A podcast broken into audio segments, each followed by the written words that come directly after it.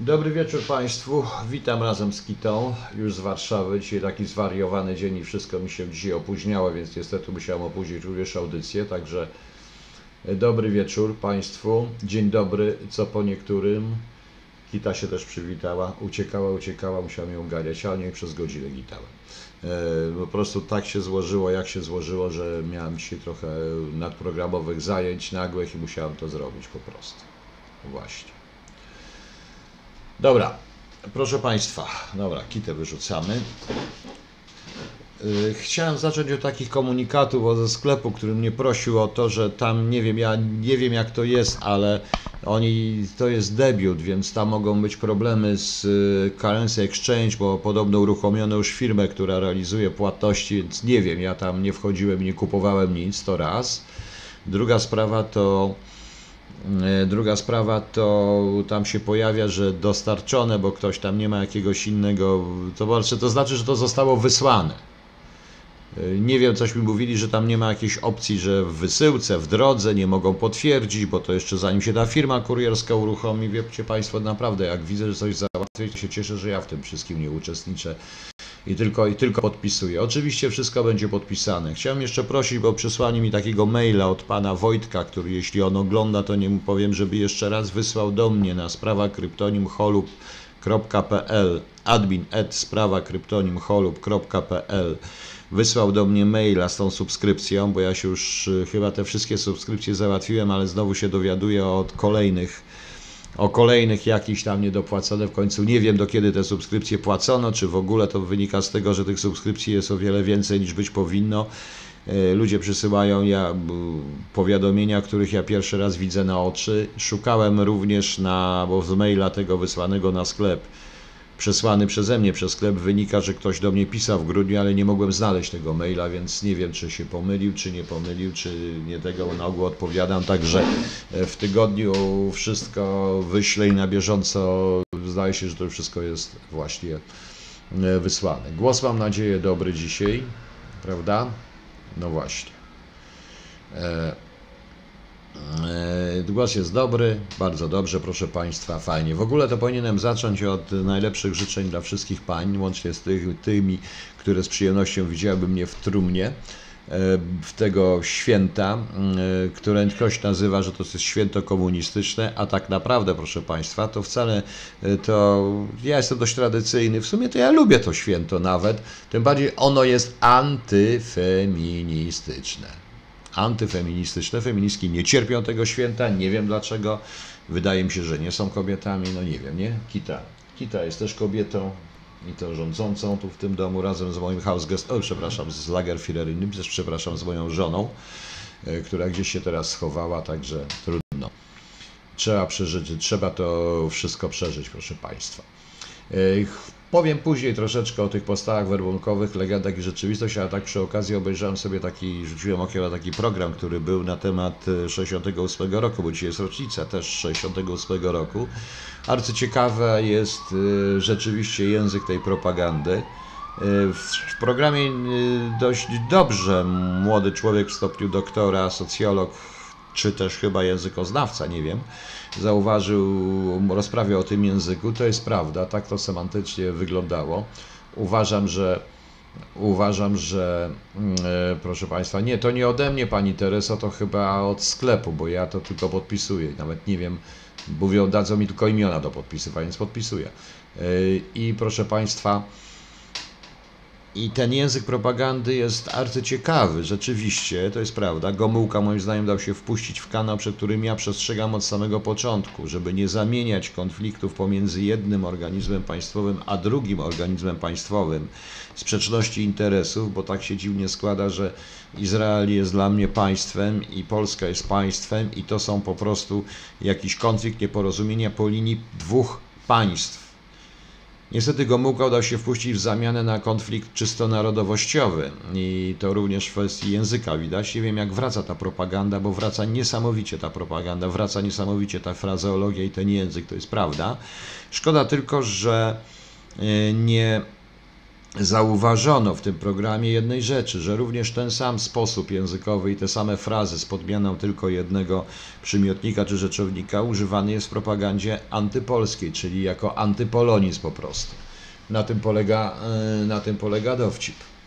E, na tym, na tym polega, proszę Państwa, dowcip. I teraz tą propagandę, jeżeli porówna się język 68 roku z językiem dzisiejszym, zarówno propagandy antysemickiej, jak i propagandy antypolskiej, antysemityzmu i antypolonizm jest idealnie to samo. Idealnie to samo, zmiana jest tylko i wyłącznie rzeczowników i, czaso, i rzeczowników i przymiotników, chociaż czasami, proszę Państwa, i również i rzeczowniki i przymiotniki są również E, te same, a ja bym chciał Pań wszystkim tym, którzy idą na lep tej propagandy i którzy o tej propagandzie w kółko mówią, to chciałem dzisiaj coś pokazać, proszę Państwa, wstępnie tylko pokażę, to pewnie nie odczytacie, bo dostałem dzisiaj coś ciekawego, muszę tylko to znaleźć, czy to jest to, czy to nie jest to, to jest arcyciekawe.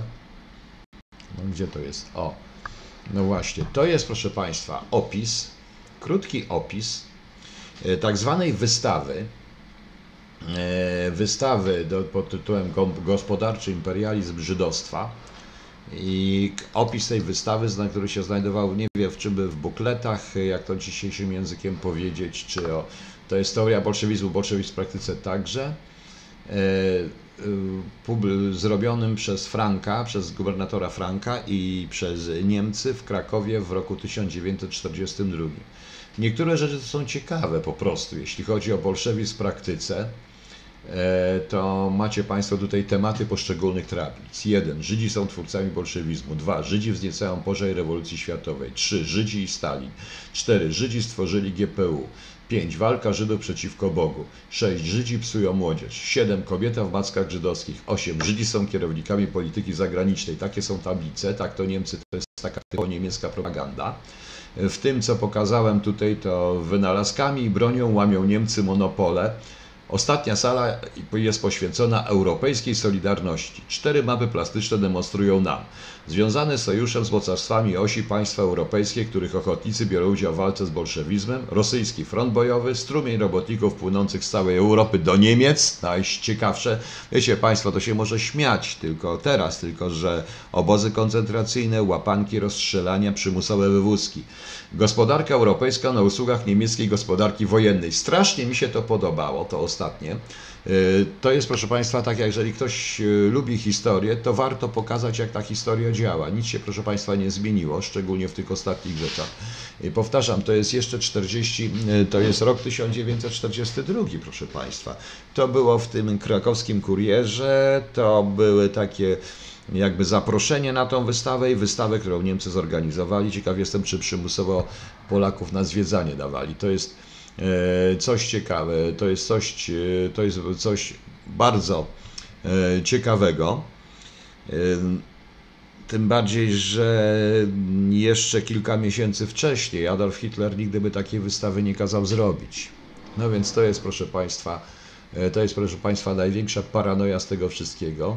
A więc, a więc, proszę Państwa, E, no, Marlindo, to mnie tam nie będzie, ja jestem z prawicy, a wy prawicowców nie chcecie w tym propolskim portalu, bo to jest propols po waszemu po prostu, a dla mnie to jest ani prawica, ani lewica. I, i proszę Państwa, zdarza, zdarzyło się i, i tym bardziej, że to jest tak e, bardzo podobne do równoległych propagand e, sowieckich, naprawdę propagandy sowieckiej ze Stalina. Jak to się porówna razem, te wszystkie frazeologie, to czy po niemiecku, czy po polsku, czy po, czy po rosyjsku brzmi tak samo idiotycznie i głupio. To jest strasznie, strasznie wesoło po prostu. E, Wojtek Kowalski, nie, ja się pomyliłem, na dole coś mi wpadło z komputerze, się przestawiło, po prostu się spieszyłem na pociąg i tak wyszło, ale to poprawiłem. E, to jest dla miłośników historii, jeśli ktoś chce, to niech sobie przeczyta. Tutaj ktoś mnie prosił, ktoś mnie prosił o ktoś mnie prosił o, o co mnie, no, przepraszam, ktoś mnie prosił o, o to tango, więc dałem tu link do tego. Więc dałem tu link do tego tanga, proszę Państwa. I Mariusz Stach, słuchałem Korwina i mówi, że Hitler nie wiedział o Holokauście. A wie Pan, że Irving przegrał tą e, przegrał ten proces mówiąc to samo, Hitler dobrze wiedział. To tak samo jak Stalin nie wiedział o tych mordowanych. Gomułka nie wiedział, Gierek nie wiedział, Jaruzelski nie wiedział, nikt nie wiedział. Wiedzieli, dobrze wiedzieli. I to jest największa bzdura, jaką kiedykolwiek słyszałem, kiedy władza mówi, że nie wie o tych morderstwach, do których się przyczyniła. To jest najciekawsze. No ale trudno, niech tak będzie. Ja w tej chwili przechodzę w ogóle na pozycje już anarchistyczne totalnie, ponieważ uważam, że żadna partia nie pasuje e, w tej chwili i już. E, no i to tango, to tango jak będzie dobre, to może będzie na iTunesie, ale dlaczego ma być na iTunesie? To jest czyjaś robota. Krzysiek Werkowicz zamiast to tango to robi za, za muzykę do mojego tekstu, bo wrzuciłem dwa normalne, te dwa nowe teksty, w tym między innymi, e, między innymi coś takiego, co się nazywa e, co się nazywa Morderca w garniturze mordercy w garniturze, czy morderca w garniturze i nie chce po prostu i zajął się głupotami, zamiast tak naprawdę zająć się tym, co potrzeba, e, czym potrzeba było się zająć po prostu, czyli tym e, robieniem tej, dalej tej, dokończeniem tej piosenki, ale to tak to z nimi jest po prostu, niech będzie. A ja już więcej tekstów nie będę pisał, jak będę pisał, to jemu nie, nie podeślę, powariuję po prostu. I, bo, bo, bo Krzysiek zaczyna się zajmować czym innym, a nie tym, czym trzeba. Dobra, koniec tutaj e, tych rzeczy. E, dobra, proszę Państwa. Przejdziemy e, na jeszcze jedna, jeszcze parę takich małych historii. Po prostu to jedna sprawa. Otóż ktoś mi tutaj, nie będę dawał linku, ale nagle okazuje się, że w 2019 roku będą Dni Ateizmu. Prosimy pomóc organizować Dni Ateizmu 2019. Jest to zrzutka. zrzutka. Z kwoty 12 tysięcy zebrano 3150 zł. I to się dzieje w kraju, w którym każdy, każdy, proszę Państwa, nie wyobraża sobie ślubu bez księdza, nie wyobraża sobie żyć bez chrztu, nie chrzcić dzieci, nie wyobraża sobie również pogrzebu bez księży i to księży katolickich. No ciekawe to jest, proszę Państwa. Bardzo dużo osób się na to złożyło, mogą się złożyć.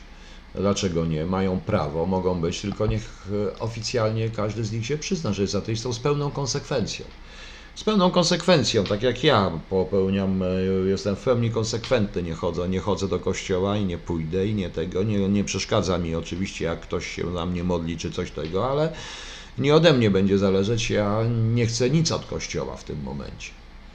E, od tego się zaczyna, dlatego że po prostu, dlatego że po prostu pewną rzecz wybrałem i jestem sprawiedliwy w tym momencie i bronię tego kościoła przed, chyba czasami przed nim samym, a przede wszystkim przed jego, e, przed tymi wierzącymi wszystkimi. No cóż, przykre jest to, że inne zbiórki tak mm, e, spadły.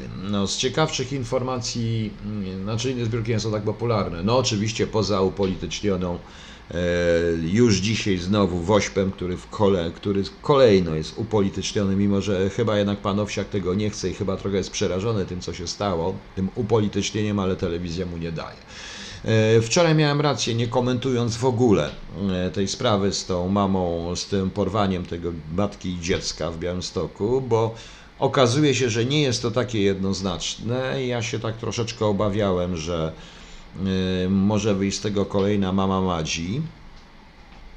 I troszeczkę się obawiałem tego typu rzeczy. To niestety tak jest, że jeżeli ktoś idzie na lep y, y, jakiejkolwiek propagandy, czy ludzi histerycznie reagujących na to wszystko, nacina się mocno. Tak jak ja się również naciąłem w dwóch przypadkach. W jednym przypadku dlatego, że człowiek, któremu rzeczywiście pomogłem, i warto było mu pomóc z Holandii, okazał się wobec mnie poza moimi plecami.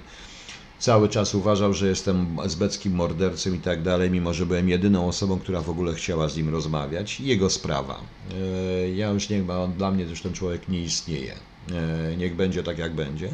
Druga sprawa to w moment, w którym się na szczęście coś mnie tknęło, żeby sprawdzić, w moment, w którym się zaangażowałem na podstawie dość takiej i pokazano mi i prawdziwe filmy, i prawdziwe rzeczy. Okazało się, że nikt dzieckiem nie rzucało ścianę, okazało się, że dziecko samo uciekało od rodziców i od mamusi, ponieważ to wszystko było pijane, naćpane i brało kupę pieniędzy, a dziecko, dzieci traktowało jako maszynkę do zarabiania pieniędzy.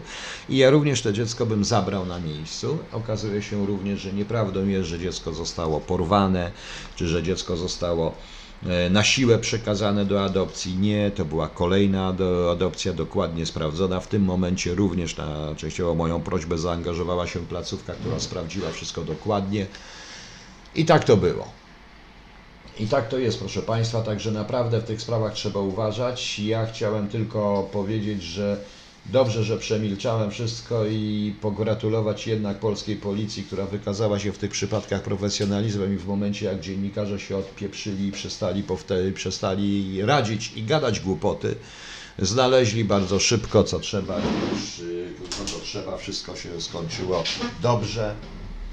Kto jest winny, od tego są sądy, prokuratura, ustalenia śledztwa. Niestety w Polsce jest tak, że to już prasa, że prasa już, przynajmniej media niektóre już osądziły i wydały wyrok. Podobnie jak z księdzem Jankowskim, o którego ja nie, nie oceniam, tylko mówię, wydano wyrok. Jestem ciekaw, jeżeli tak wszystkich równo traktujemy, jeżeli mamy zrzucać pomniki, czy bojkotować, jak niektórzy chcą, Michaela Jacksona, to czy pana Romana Polańskiego też pozbawimy honorowego obywatelstwa i będziemy bojkotować jego twórczość. Dla mnie to jest w ogóle głupota totalna to, co się dzieje. Głupota totalna to, co się dzieje, e, bo i tak wszyscy będą słuchać i kupować Michaela Jacksona z jego najlepszego okresu, z thrillera i tak dalej. I tak samo wszyscy będą oglądać i ja też wielokrotnie kilka naprawdę wspaniałych filmów Polańskiego, z czego E, z czego oczywiście Rosemary's Baby, ale e,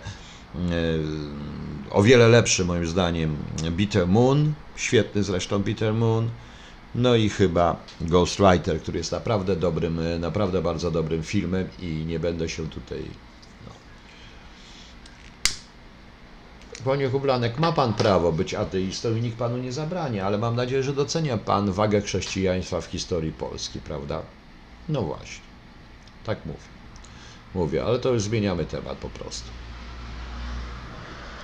E, dzisiaj już też słyszałem, tak jak wczoraj od kogoś znowu, e, dzisiaj słyszałem e, znowu od kogoś, znowu to, znowu oskarżenia, już wiadomo, bo tak powiedziała, tak powiedziała prasa. No więc prasa wydała wyrok, wydała to, okazuje się, to nie wszystko jest takie jasne i po mamie Madzi powinniśmy się przekonać, jak to wygląda. Nie tylko po mamie, po tej słynnej mamie Madzi z niektórzy z Państwa pewnie pamiętają. E, tak samo powinniśmy się zorientować po tym wczorajszym. Dzisiaj się okazuje, że nie wszystko jest takie czarno-białe, jak wczoraj przedstawiano, więc dlatego powiedziałem, że najgorsza sprawa w tych wszystkich. Nie Lenin, dlaczego Pan wycofał komentarz? Pan napisze. E, dlatego, że nie wszystko w tych momentach, e, nie wszystko jest czarno-białe, tak jak się wydaje. Natomiast, proszę Państwa, z ciekawszych informacji to są dwie, pokazujące, jak się bawi jaśnie państwo.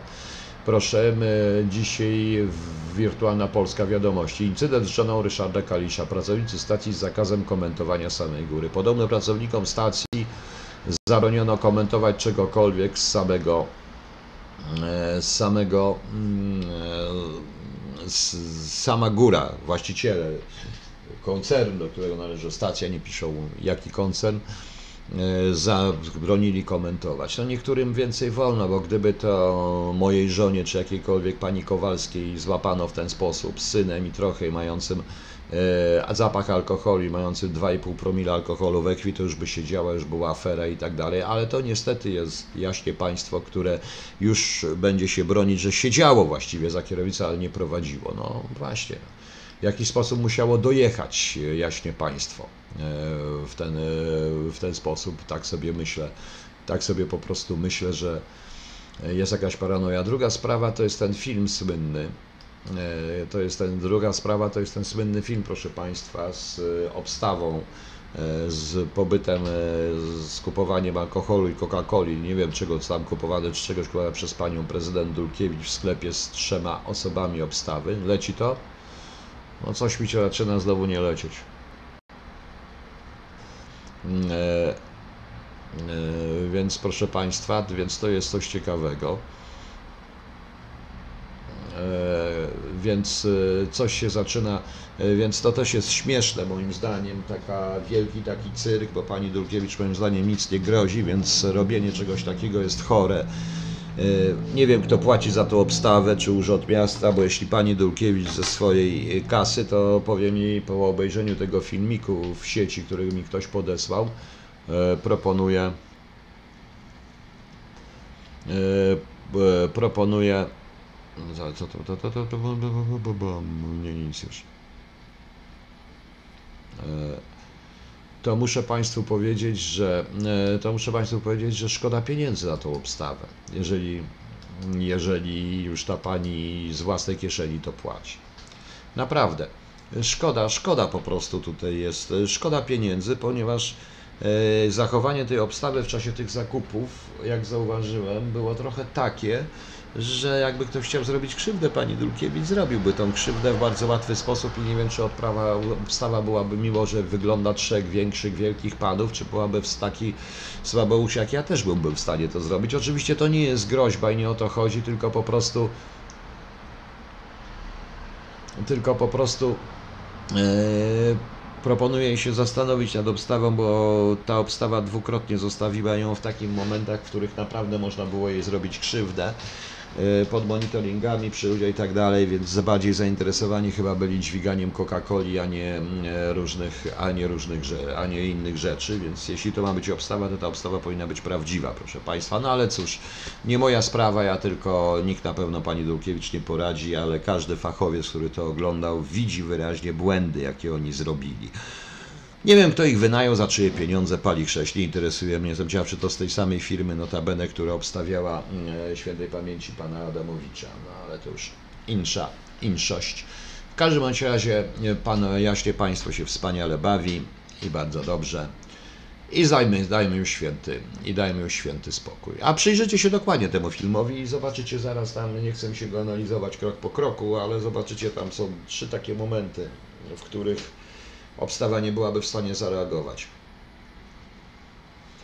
Generalnie. I jest jeden taki moment, w którym obstawa się niepotrzebnie grupuje, bo w tym momencie można obstawę błyskawicznie załatwić. To jest taka sytuacja, jak e, bardzo, jak mocno uzbrojeni po zęby e, ludzie z pewnej instytucji zmilitaryzowanej jechali po pieniądze i wszyscy wsiadali do jednego samochodu to jest później z tymi pieniędzmi każdy był w stanie ich załatwić w sekundę po prostu i już.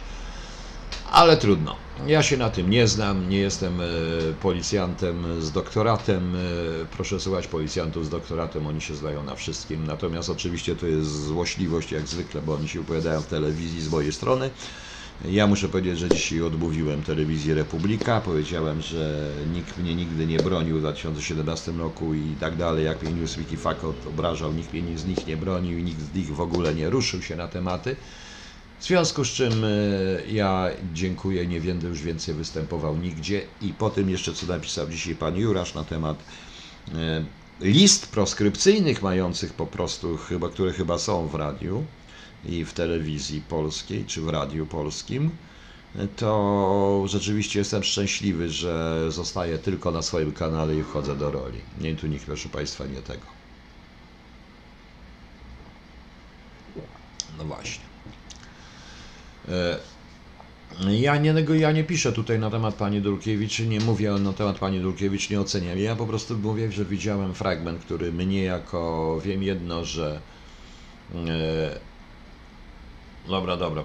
Ja wiem e, jedno, że ktoś, kto jest e, funkcjonariuszem publicznym na szczeblu samorządowym, gdyby takie, taka rzecz była z taką obstawą, czy z tym była w Londynie, w Nowym Jorku, czy gdziekolwiek, to ludzie by mocno protestowali. Tego się nie da tak łatwo zrobić. To, co się wybacza prezydentowi, nie wybacza się niestety burmistrzom. E, ale dobrze. Niech będzie. Niech tak będzie.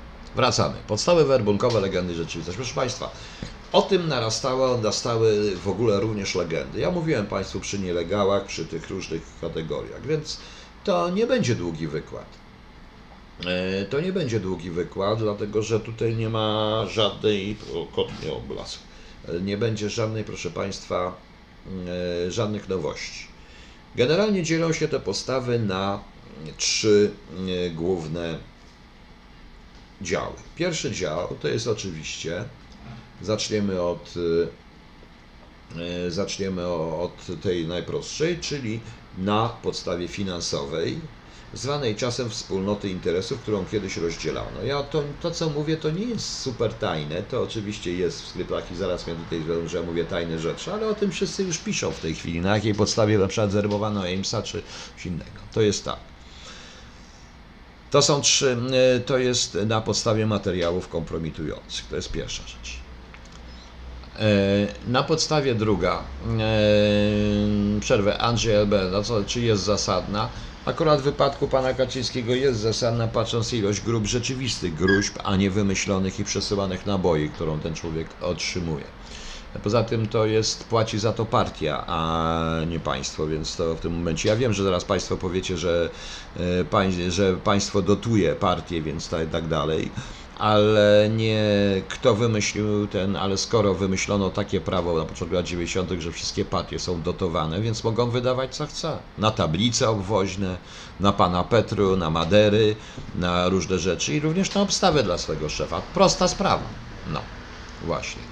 Nie są, i mam nadzieję, że w wypadku pani Dulkiewicz są to jej prywatne pieniądze, ale nie, a nie pieniądze miasta bądź y, podatnika no, w tym momencie. Proste, jak y, konstrukcja CEPA.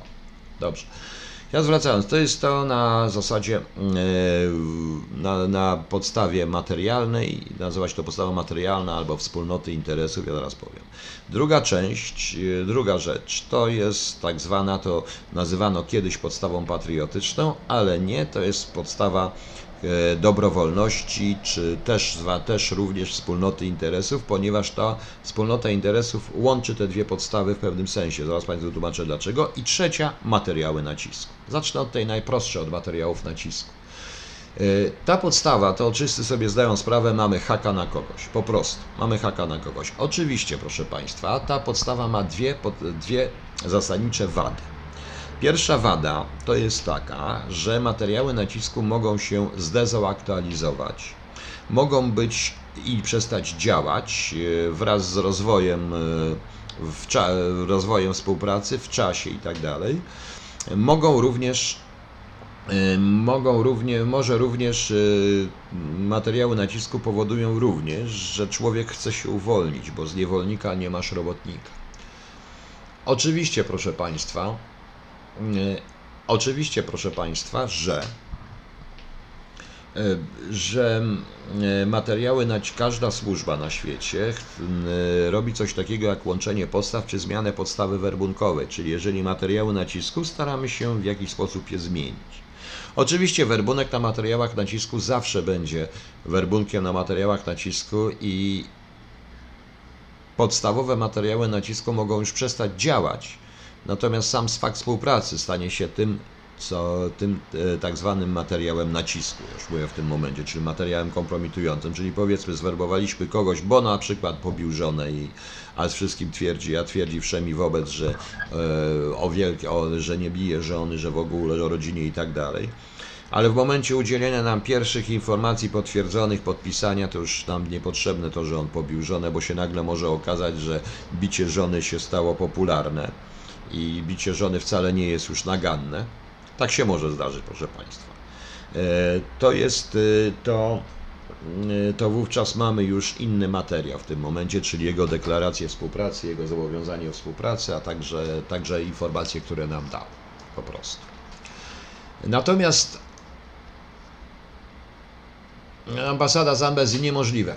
To niemożliwe, do tego dojdziemy. Natomiast proszę Państwa, jest bardzo natomiast ma materiały, natomiast e, materiały zacisku się również dewaluują, bo kiedyś e, homoseksualizm był taką podstawą, teraz nie. Chyba, że dotyczy to określonych środowisk, które oficjalnie, oficjalnie homoseksualizm potępiają, w ogóle wrzeszczą na ten temat, że w ogóle i takie różne rzeczy potępiają, mówią o tradycyjnych wartościach i tak dalej, a w rezultacie sami są homoseksualistami, to tylko w takim wypadku Homoseksualizm będzie materiałem nacisku, bo ujawnienie tego pokazuje pewną dwulicowość, pewien fałsz. To niestety jest hak, który zawsze będzie w tym momencie czynny. Yy, przed materiałem nacisku można się obronić transparentnością. Politycy i służby nienawidzą transparentności, ponieważ transparentność yy, nie, nadaje, nie daje im materiałów nacisku. To mogą być również przekręty finansowe, różne rzeczy. Ale to się łączy w tym, że w pewnym momencie dochodzimy do swoistej wspólnoty interesów i łączymy, te łączymy tą postawę w momencie. Druga sprawa to jest właśnie to, co mówiłem, wspólnota interesów. To mogą być na przykład to, na czym bazowali również Rosjanie i bazują bardzo często nadal. To jest to, co ja nazywam słowiańszczyzną na przykład, które jest dla nich podstawą, e, podstawą werbunkową, bo jeżeli się tworzy, mówi się o panslawizmie, my, bracia Słowianie, co was ci Amerykanie obchodzą, czy ci Niemcy? Niemcy to Germanie, proszę, oni was nie a my Słowianie zawsze się dogadamy. Jest to wspólnota interesów i ludzie często naiwnie idą na lep tego wszystkiego, e, proszę Państwa. E, idą, idą na lep tego wszystkiego. To daje, da, daje, da, daje, daje taki przykład. W wielu wypadkach określa się również i prawdziwe wywiady określają tak zwany charakter narodu. Niestety, jeśli chodzi o Polskę, to bardzo często jest tak, że my jesteśmy jak mimoza. Czyli na ciepło reagujemy rozwinięciem się płatków i kochamy wszystkich, na zimno stulamy płatki i się obrażamy. Czyli jeśli na przykład podejdzie bardzo często, ja znam, byłem świadkiem takich rzeczy i widziałem bardzo często w jaki sposób umiejętnie obce wywiady podchodziły do Polaków, klepiąc nas po ramionach, ty jesteście wspaniali, genialni, słuchaj, wiesz, jesteś u siebie niedoceniony, pamiętaj, jesteś u siebie niedoceniony, to ci damy, y, to ci damy w tym momencie my ci pozwolimy, pokażemy, pracując z nami, my pokażemy, że ty jesteś, robisz to, co dobrze, że to ty właściwie jesteś patriotą i tak dalej, i takie tam gadanie, e, gadanie głupot na tej zasadzie, ale nawet sobie nie zdajecie sprawy, ilu ludzi się udało, widziałem, dało się na to nabrać. Przy czym jeszcze chcę powiedzieć jedną rzecz, że Czasami e, kontakty z wywiadem, czy jak wywiad do kogoś podchodzi, podchodzi z pozycji przykrytej, tak że w ogóle nie ten ktoś może nie wiedzieć, że rozmawia z ludźmi z wywiadu i wypracowuje się tą postawę, więc oprobia się takiego człowieka. Przykładowo można mu po prostu powiedzieć, jesteś wspaniałym naukowcem, nikt cię nie chce drukować, my cię wydrukujemy. Więc my cię wydrukujemy. My cię, my cię, wy- ja przepraszam, a ten pan Slawis powiedziałem po prostu jako przykład. To może być również pan Germanizm w wielu wypadkach i to zależy. Eee, Czy na przykład pan Amerykanizm, cokolwiek, a po prostu pokazuje pełną zasadę, proszę państwa. No. Eee, kto panu taki głupon opytał, że my Słowianie to my Polacy i ruskie ciała? Nie, nie, nie, proszę pana, ja nikt mi nie opowiada, ja po prostu pokazuję w jaki sposób w sprawie dotyczącej przykład Kongresu Wszechsłowiańskiego e, Rosjanie werbowali zarówno Czechów, jak i Polaków. I to niektórych, proszę mi wierzyć, szczególnie młodych. Szczególnie młodych. Więc bardzo bym prosił, e, bym bardzo, ale zaraz pan Sebastian Duda, pan do mnie to mówi w tym momencie, bo nie rozumiem tego. Ja także po prostu daję przykład Państwu. Proszę to potraktować jako przykład takich rzeczy. Ja potem przejdę do innych przykładów, to zobaczycie. Więc powiedzmy, bierzemy młodego człowieka, który jest głodny sukcesu, nikt go nie chce drukować, ma jakieś prace, no i mówimy, dobra, to ty tu wydrukujesz, ty spotyka się z dwoma panami, jeden jest z zagranicy, jeden może nie, może udaje, że nie jest z zagranicy, oni z nim rozmawiają o sprawach jego pracy, sprawach naukowych, e, wiedzą co się dzieje on zaczyna być drukowany, wszędzie zaczyna robić karierę, zaczyna mieć publikacje. E, i zaczyna mieć edukację, i zaczyna mieć y, publikacje, zaczyna być powoli wchodzić w środowisko. I w tym momencie wchodzi wywiad, już konkretnie. Nich mówi, no dobra, stary, ale my jesteśmy z wywiadu. Prawda? No wam opowiem taką śmieszną historię z lat 80., ale my jesteśmy z wywiadu. E, No i co? Odmówi, jeżeli on ma w tej chwili wybór. Jak odmówi, jest odcięty od wszystkiego. W Polsce nadal nikt go nie będzie z tego opublikował, on zostaje odcięty od tych publikacji, od robienia dalszej kariery. I co? I to jest w momencie, i to jest w momencie, w którym ta kariera się jego decyduje. Może się zgodzić, może się nie zgodzić. Trzeba być bardzo mocnym człowiekiem, żeby się nie zgodzić, proszę Państwa. Naprawdę, proszę mi wierzyć. I się zgodzi. I wpada. Jeszcze na początku mówi, ale ja wam nic nie podpiszę. Nie, nie, nie, no co ty, stary, nie będziesz przecież, przecież ty nie będziesz szpiegował. My chcemy tylko informacji oficjalnych, takich, które ty wiesz, które nam pomogą, bo wiesz, my działamy dla dobra twojego kraju też, bo widzisz jak jest. Tu politycy, oni wszystko robią, żebyśmy się kłócili. Słuchajcie, to jest autentyczny zapis rozmowy werbunkowej pewnego Rosjanina z pewnym Polakiem. Wy tutaj przyjaciele się, wy tutaj, my tutaj, a my jesteśmy przyjaciele, to my razem pomożemy, żeby twoja władza zrozumiała. No i facet się zgodził. Proszę. To właśnie to. Wydaje się takie cechy, przede wszystkim e, E, Edyta, albo jesteś wspaniałym pisarzem, nikt cię nie chce wydawać, więc my cię wydamy, ale to zwykła próżność, kariewiczostwo czy nie. Edyta Nowa to do mnie jest? Pan tak uważa? Pani tak uważa? Tak, to jest nie tylko karierowiczostwo, to jest oczywiście, że próżność, bo każdy tu napisze. Ja na przykład wiem, że napisałem świetne książki, nikt mnie chce wydać, ale nigdy nie, nie wydaje na przykład E, Nikt mi nie wydaje, ale nikt na przykład nie, nie zaproponował mi stamtąd, bo wiedziałby, żebym odmówił, żeby to wydać. Po prostu. Oczywiście, że się bierze pod włos. Na tym to polega wszystko. Roman Pawłowski, co jest masakrą? Niech pan powie, co jest masakrą. Będę chciał wiedzieć. No, właśnie. E, Nie, nie dało się zwerbować Auganowa, to raczej Auganow ich zwerbował. No, nieważne. No i, i w ten sposób robimy tego typu rzeczy. Prawda? Doceniamy, doceniamy, doceniamy. Prawda? Doceniamy, doceniamy. I tak, I tak się dzieje. I naprawdę znam takie przypadki. Wielu. No, dobrze, ze znanych przypadków, z innej strony przykład Pawłowskiego, któremu wręcz powiedziano, że Amerykanie, że jeśli go nie, nie, nie, da, nie da się zwerbować, i Amerykanom, no to oni mu zablokują możliwości wyjazdu na wszelkie, e, na wszelkie turnieje. On był akurat robi na właśnie jego karierę. No i się zgodził, proszę Państwa. To jest jego sprawa. To jest jego sprawa.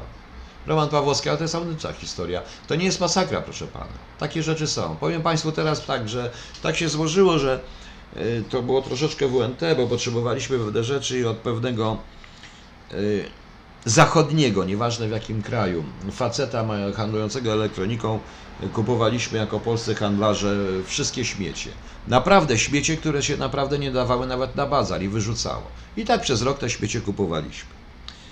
On się przyzwyczaił, bo co ma zrobić? Ze śmieciami przynajmniej zarobi, tym bardziej, że płaciliśmy gotówką. On wiedział, że my ze wschodu to w tym momencie nie ma problemu, że to nie ma najmniejszego problemu, bo nikt go tam żadne władze fiskalne, nie ma połączenia, dwa różne systemy.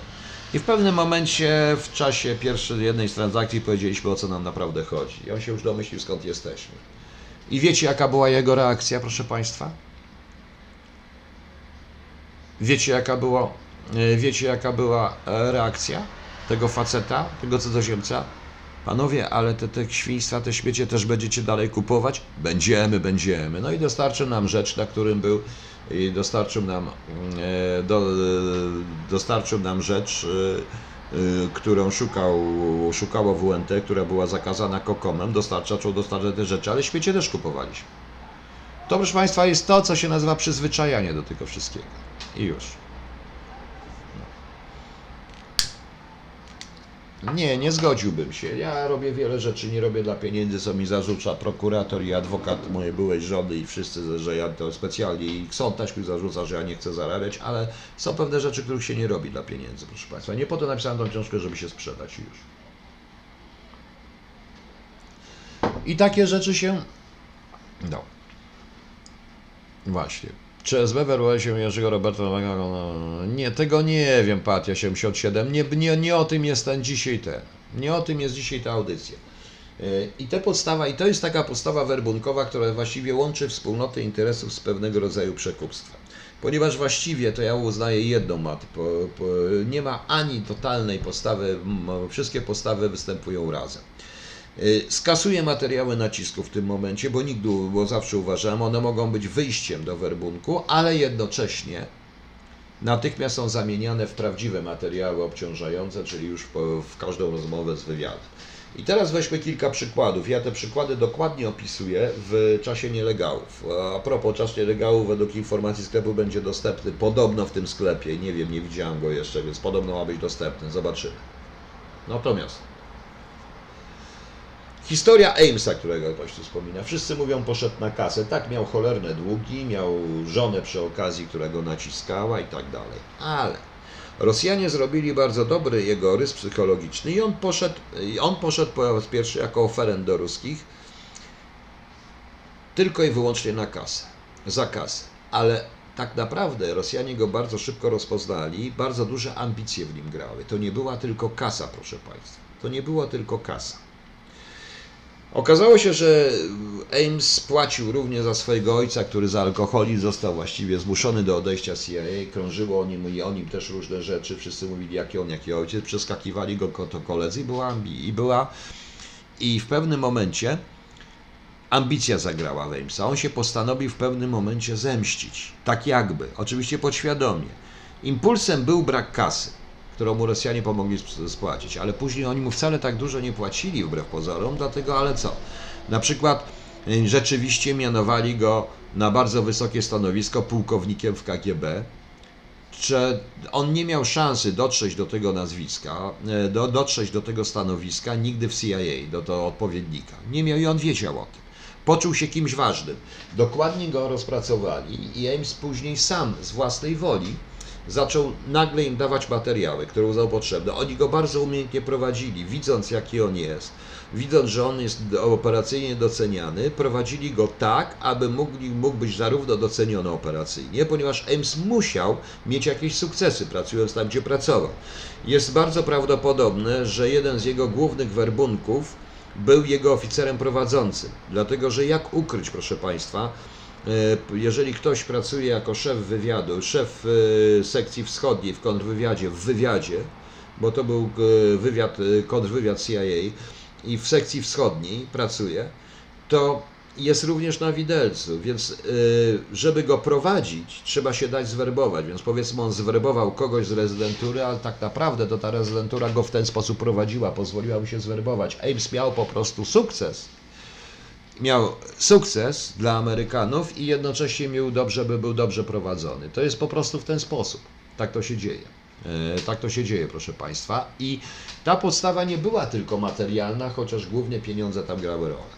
Człowiek, który pracuje tylko dla pieniędzy, wywiad nigdy nie będzie miał do niego zaufania. Dlaczego? Dlatego, że zawsze znajdzie się ktoś, kto zapłaci więcej. I to jest prawda. I w tej jedynym taką osobą, jaką znam, takim czymś, to była ta słynna sprawa szyfranta na okrętach podwodnych atomowych Walkera. Johnny A. Walker on się chyba nazywał. Walkera, e, który pokazywałem wam Family of Spies, e, właśnie, który również zwerbował swojego syna, swoją córkę do tej, usiłował wrzucić do tej współpracy, ale on robił wszystko dla pieniędzy. Jemu nie zależało na niczym, tylko i wyłącznie na pieniądzach. Rosjanie to dobrze wiedzieli i traktowali go zresztą w podobny sposób. Nie ufając mu, wielokrotnie, kiedy on tracił możliwości wywiadowczych, odcinali go, no to on wtedy im załatwił tak, żeby syn y, był, zajął e, podobne stanowisko na okręcie podwodnym jak on, tak posterował synem i wystawił im syna. Po prostu. I wystawił im syna, proszę Państwa. E, z- Tak, z marynarki wojennej. No tu jest taki film telewizyjny. O, to Państwu pokażę. O, to jest to. To jest e, człowiek, który się nazywał. A, John Walker, no właśnie. Nazywał się John, e, John Walker, który był, który był e, szyfrantem i potem pracował w stacjach szyfrów e, obsługujących łoże, e, ło, e, łodzie, pod, okręty podwodne amerykańskie. John E. Walker, e. Walker się nazywał. I on swojego syna zwerbował, wtedy żona się nie wyrobiła dopiero, bo żona o wszystkim wiedziała i wszystko było dla pieniędzy, po prostu dla pieniędzy. Więcej. On również swojego brata w, e, wprowadził w to wszystko. W momencie, kiedy odszedł z marynarki kiedy Rosjanie powiedzieli, że już teraz dla nich nie, nie jest ważny, bo nie ma żadnych informacji wywiadowczych, żeby im dał święty spokój, to on założył agencję detektywistyczną razem, z, nas, razem ze swoim bratem, podstawił brata w to wszystko, dotarł do różnych ludzi tam związanych i znowu stał się cenny i on tylko brał pieniądze. To jest taka rzecz, po prostu. No. Edyta Nowa o córce pewnie nie, córka była wtedy w ciąży, córka mu odmówiła, rzuciła szkołę w ogóle wojskową i wtedy również nie wyrobiła się matka i zawiadomili FBI i obie, i ona i córka dostały, nie, e, dostały immunitet, matka szczególnie, bo matka od początku o tym wiedziała, natomiast on i syn odpowiedzieli za to. Właśnie. Dariusz, później pogadamy. E, Kto rzuca na cepy z chemikaliami, a kto, e, później poczekamy, panie Dariusz. Pogadamy na ten temat. No. Panie Bugońku, Golf zamiana kolowo dotarł dzisiaj, napisałem do sklepu i podziękowałem, a chciałem też wyjść napisać panu i podziękować e, za pamiątkowy podpis. To już jest jedna z moich. Dobra, powiedziałem, ja wszystkie podpisuję, fajnie. Właśnie. Od kiedy kto pan powiedział, że Ames to był Żyd? Czy pan zwariował? Ames nigdy nie był Żydem. Tym bardziej, że ojciec Jamesa i on pochodzą z czasów, kiedy przyjmowano do CIA tylko i wyłącznie w łospów. I on był takim łospem po prostu. Proszę. E, z przyczyn ideologicznych e, cała piątka z Cambridge szpiegowała z przyczyn ideologicznych, autentycznie z przyczyn ideologicznych. Oni sobie obzdali, że oni establishment, z którego pochodzili, zniszczą, e, zniszczą establishment, w związku z czym, proszę Państwa, w związku z czym e, oni sami szpiegowali. Hansen z kolei. To jest typowa ambicja. Oczywiście tam szły pieniądze, Rosjanie płacili mu w diamentach, między innymi również Hansen, który pochodził z ortodoksyjnej katolickiej rodziny, z chrześcijańskiej, bardzo ortodoksyjnej, tą swoją, swoją mm, e, właściwie taką nachalną religijność, nawet w pracy nawet w FBI. Ale on przyszedł do FBI, uznał, uważając, że on od razu będzie szefem, dostanie samochód, szybki samochód, sekretarkę i kupę pieniędzy. I chodził do Rosjan za każdym razem, kiedy go nie mianowano na stanowisko, które on chciał. On sam chodził do Rosjan, bo on czterokrotnie do nich chodził cały czas. Rosjanie szybko rozpoznali, bo wywiady szybko rozpoznają ambicje, to samo Amerykanie tak samo i tutaj podstawą werbunkową były nie tyle pieniądze, co niezawiedzione, co ambicje. On postanowił zrobić kawał e, Amerykanom. Skoro wy nie doceniacie mnie, to oni mnie docenią. Na tej zasadzie to było w tym momencie. Aim Hansen tłumaczył się w czasie procesu, że on chciał po prostu odwrócić sytuację, chciał odwrócić sytuację i pokazać a w Ameryce, że Rosjanie nadal są groźni, ponieważ jego ostatni, ostatni to był na przełomie lat 1999-2000, to chyba był ostatni jego, e, ostatni jego pobyt w Stanach, to znaczy gdzieś papierosy zgubiłem, gdzie ja papierosy wsadziłem, nie wiem, no nieważne. Ostatni był jego, e, jego podejście oferenckie do, e, do Rosjan rzeczywiście w ten sposób. Hansen był w FBI i tam była w ogóle zawiedziona ambicja, ale oprócz tego również Rosjanie przy okazji sami wypracowali sami wypracowali e, sobie na wszelki wypadek materiały obciążające, materiały nacisku, ponieważ takim ludziom też się nie ufa, tak na dobrą sprawę, tego typu ludziom, bo Okazało się, że Hansen y, sprowadza i mu to załatwiali pornografię, do siostrą pornografię, zarówno dziecięcą, jak i nie tylko dziecięcą od y, z tej, z, o, przepraszam, są, są, ups, y, z Berlina Zachodniego i z Berlina w ogóle. Więc tak to, tak to wyglądało. To są właśnie tego typu, wszystkie te podstawy działają razem. Generalnie muszę powiedzieć, że Rosjanie E, na ogół stosują łączenie tego wszystkiego i od zachęty takiej czysto, e, tu już nie ma związków ideologicznych w tym momencie, w tej chwili, w tym świecie dzisiejszym, chociaż też, jak się okazuje, usiłują do tego dojść. To, co opowiadałem Państwu, relacjonując autentyczną rozmowę przechwyconą przez nas werbunkową, według relacji zresztą człowieka, który zrozumiał w odpowiednim czasie, na, na jaki lep został złapany, to było w latach 90., to też było ciekawe. No, w wielu wypadkach jest tak, że dwóch panów i to spotyka się z dwoma, z jednym innym i zaczynają go po prostu obrabiać właśnie w ten sposób. Przede wszystkim doceniając, przede wszystkim pozwalając mu. E, Ela Wydralska, nie, Hansen wcale nie był dawno, wcale nie tak jest, są inne, no, różne inne rzeczy. No. E, przykład też Mitrochina jest dość ciekawy, bo Mitrochin zdradził z przyczyn ideologicznych zupełnie, ale dlaczego zdradził? Mitrochin przyszedł na stronę Amerykanów dlatego, że chciał ukarać Jelcyna, który jego zdaniem doprowadził. Mitrochin to był stalinista, on był komunista, on nienawidził Zachodu. On nienawidził, e, on nienawidził Zachodu, proszę Państwa. On dostał on chciał zdradzić, on zdradził po prostu, dlatego że rozpadł się jego ukochany Związek Radziecki. I on powiedział: Nie, to nie jest mój kraj, zrobię wam świnie jedne kawał. No i poszedł do, na drugą stronę, do Anglików. Natomiast jeśli chodzi. Sebastian Duda, zaraz pogadamy na ten temat. Natomiast jeśli chodzi o, o takiego naprawdę ideowego człowieka, to niewątpliwie był nim Pieńkowski, który został zamordowany w Rosji. Człowiek, który, dzięki któremu uniknięto wojny atomowej, który rzeczywiście przestraszył się tego wszystkiego, przestraszył się polityki Breżniewa i przeszedł na stronę e, Amerykanów, tylko on nigdy tam nie wyjechał. On chciał wracać i wrócić, bo on kochał Rosję i uważał, że w ten sposób ochroni zarówno Rosję, jak i świat przed. No właśnie. I takich rzeczy się właśnie szuka. Także są trzy tego typu podstawy. I to bardzo proste. Jak powiedziałem, materiały nacisku, y, zainteresowanie materialne i wspólnota interesów, przy czym y, oraz y, sama wspólnota interesów i trochę ideologiczne. Czyli tak, czyli na przykład to, co mówiłem na temat ambicji, proszę Państwa, na temat pewnego rodzaju ideologii, którą ktoś wyznaje. Oni, oni też obserwują, więc jeżeli ktoś, ja powiem wprost, y, wystawia się sam, jeżeli ktoś zaczyna opowiadać na temat, y, dobrze, mówię wprost, jeżeli ktoś w tej chwili prezentuje głównie taką wręcz biologiczną antyamerykańskość i ciągle opowiada, że Rosjanie, nasi przyjaciele, wspaniali, wyzwoliciele i tak dalej, do takiego człowieka mogą podejść. To znaczy nie pójdą no, do każdego, jeżeli będzie coś znaczył. Dla nich to jest w ogóle element wspólnoty interesu. Proszę Państwa, muszę Wam powiedzieć, że w latach 80. zdarzyli się ludzie, i to ludzie bardzo znani, którzy wpadli na lep służb bezpieczeństwa właściwie w ten sposób, że rozmawiali tylko i wyłącznie z wywiadem albo z kontrwywiadem, bo wywiad i kontrwywiad broni państwa, a nie polityki partii.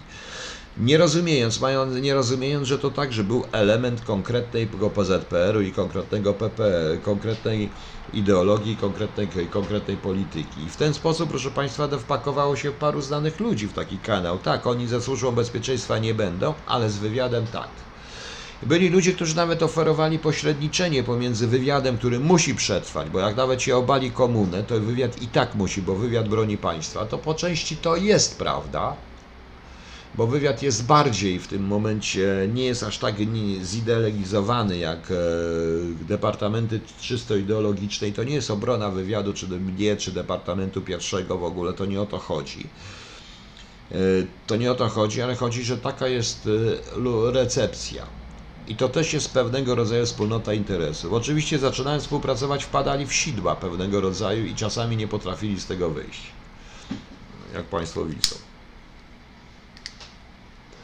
Nie widzą. Natomiast e, najczęstsza jest właśnie to mm, wspólnota interesów, przy czym zainteresowanie materialne nie polega, proszę Państwa, tylko i wyłącznie na gotówce. To jest załatwienie publikacji, za pozwolenie komuś zarobienie na wykładach, bo na przykład powiedzmy, że kogoś powie się, dobra stary, pojedziesz na wykłady w renomowanej uczelni, dasz wykłady, będziesz miał brawa, a napiszą o tobie w gazetach, wrócisz do Polski, będziesz sławny, będziesz już znanym, znanym naukowcem, czy zna, będzie, będziesz, będzie ci łatwiej. I tak się zdarza. I tak się zdarza, proszę Państwa.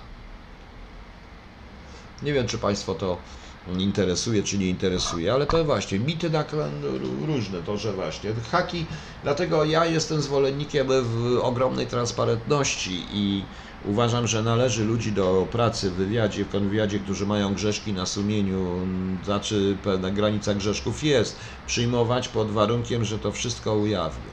Pełną transparentność jest bardzo ważna.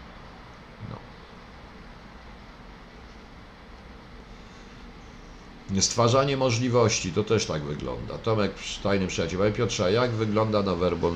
Dzisiaj wyglądał zdolny, młody człowiek, dostaje dobrą pracę, powiedz Państwu, kiedy się obstawił. Ma ścieżkę do kariery, bierze kredyt, go mają. Tak, oczywiście, tajny przyjaciel, tak to jest.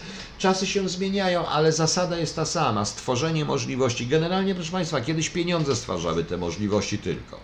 Proszę zrozumieć, że yy, jak żeśmy, jak kontrwy, no, materiałach kontrwywiadu powinno być, że to cała, ten cały Amerykanie szli na, muszę kota wciągnąć, bo proszę chodź, chodź, chodź, chodź, chodź, się chodź, chodź, chodź, no chodź, chodź, no, Oj, chodź, no dobra, nie gryź, przywitaj się z ludźmi, przywitaj się z Państwem, przywitaj się z Państwem, przywitałeś się? Nie, już się nie przywitał, dobra, skakuj tu, o, bo on tak chciał. Więc proszę Państwa, muszę, muszę Państwu powiedzieć, że e, ta cała e, na przykład praca Amerykanów wśród misji polskich w Wietnamie, tutaj śpi 19-letnia kotta, była na początku w tym e, w Wietnamie, proszę Państwa, b- tam Amerykanie szli na masówkę i te sumy, które wydawali, to były niezbyt duże. Patrząc na to, co ile znaczyło 100 dolarów w PRL-u, to muszę Państwu powiedzieć, że te 100 dolarów, że dla Amerykanów to był żaden wydatek, a za 100 dolarów potrafili zwerbować i to wielu, naprawdę porządnych. No. Malinda, tych agentów, co psuli za maszyny, ale ktoś psuł za komuny maszyny, to szpiegomania, jaka była za komuny, to znaczy za komuny jakiej? E, za czasów Stalina, to pst, wróg sypie piasek w tryby maszyny. Pamiętam taką socjalistyczną bzdurę, kiedyś pisałem taką pracę o języku socjalizmu pod tytułem numer 13 produkuje, czy jakieś tam inne rzeczy, więc proszę Państwa, proszę Państwa, agent, e, to oczywiście byli agenci, agenci imperialistyczni, tylko że akurat ich nikt nie werbował. Nikt ich nie werbował, nikt nie psuł, bo za tym, że komuna sama psuła te maszyny, bo się na tym nie znała, jak zwykle komuna, no to w tym momencie nie było żadnej takiej agentury. Była oczywiście agentura cały czas, ale proszę Państwa, nie ma sensu wydawać pieniędzy na agenturę, która ma popsuć jakąś maszynę.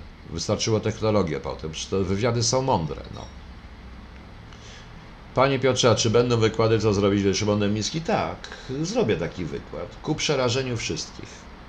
Szczególnie słusznie, jeżeli mnie nie zamkną. No. Ile to by dziś? Tysiąc? E, nie, jeżeli chodzi 100 dolarów, pana, moja pensja należała do dość wysokich wywiadzie, ale ona wynosiła jakieś 30 e, parę dolarów, więc 100 dolarów to była pensja 3-miesięczna, mm, zakładając to początek. E, poza tym e, diety, różne rzeczy, te wszystkie historie. No powiedziałem Państwu, Pawłowski również twierdził, że on został zwerbowany tylko dlatego, że e, on się przyznał wtedy w czasie tego, że Amerykanie mu postawili warunek i że nie wpuszczą go na zawody. A go nie wpuszczą na zawody, to on będzie musiał, proszę Państwa, to, to nie stanie się sławnym sportowcem. No tak to było. Wywiad bada ludzi. Nie kupiłem, ja ona miałam po prostu w Londynie, myśmy ją od Menera dostali. Ona miała mieć 6 tygodni, okazało się w 2000 roku, że ona ma 3, nie w 2000, że ona ma y, tylko 3 tygodnie i RSPCA mi za darmo zrobiło generalny przegląd konta.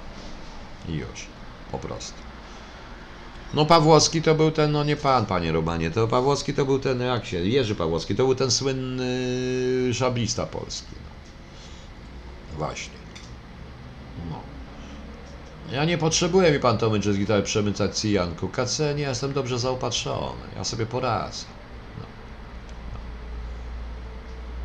Aha, za wczesnej komuny złapano wielu agentów i ci agenci przecież przyznawali się do winy przed sądem. No wie pani, w latach czystki to wszyscy się przyznawali przed sądem w Związku Radzieckim. E, wszyscy, prokurator Wyszyński wiedział co zrobić, jak to tego, Beria i inni też wiedzieli. I jak pani, ja nie wiem, ja właśnie się zastanawiam, pani Marlindo, y, jaki pani, pani robi propolski. Propolski on będzie, czy jakiś inny po prostu? Bo to jest śmieszne. Y, za wczesnej komuny złapano wielu agentów ci agenci przecież się przyznawali do winy przed sądem. Tak, oczywiście, przyznawali się do winy. Tak, rzeczywiście. Ma pani rację. Y, część nawet zabili. No. Więc to jest chore po prostu. No właśnie. Hmm. A czy i jak werbowano ludzi subkultur? Proszę pana, to jest zupełnie inna rzecz. Pyta się pan, czy i jak subkultur. Zawsze istnieją te trzy niestety postawy. Materiały kompromitujące, plus wspólnota interesów, plus finanse. Te trzy podstawy. Niektórym jeszcze mówiono, ale to OSB twierdziło na podstawie patriotyzmu, bo może w stosunku do Polonii na podstawie patriotyzmu, bo jak można zawerbować, zwerbować Amerykanina na podstawie, żeby był polskim patriotą, to bzdura po prostu. To jest co inaczej. No właśnie. Ja zupełnie nie wiem, jak pani Marlinna może takie głupoty napisać. Jaki kubek pan widzi, panie Lutek, gdzieś? Pan się myli, to taki sam kubek, jaki... Nie, chyba nie ma ich w sklepie. Ja sobie robię różne kubki, jak chcę. No, zgadza się, Wiesław, ale to bardzo dużo jest to dolarów, no. E, takie same. Proszę panią, w, podstawy pani Jola Els, podstawy werbunkowe są takie same wszędzie na świecie. Problem tylko ich współgrania, wykorzystania w odpowiednim momencie i w odpowiednim czasie.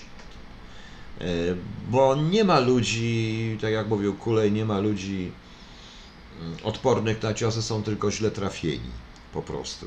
I to jest prawda. I to jest prawda, proszę Państwa, nie ma ludzi.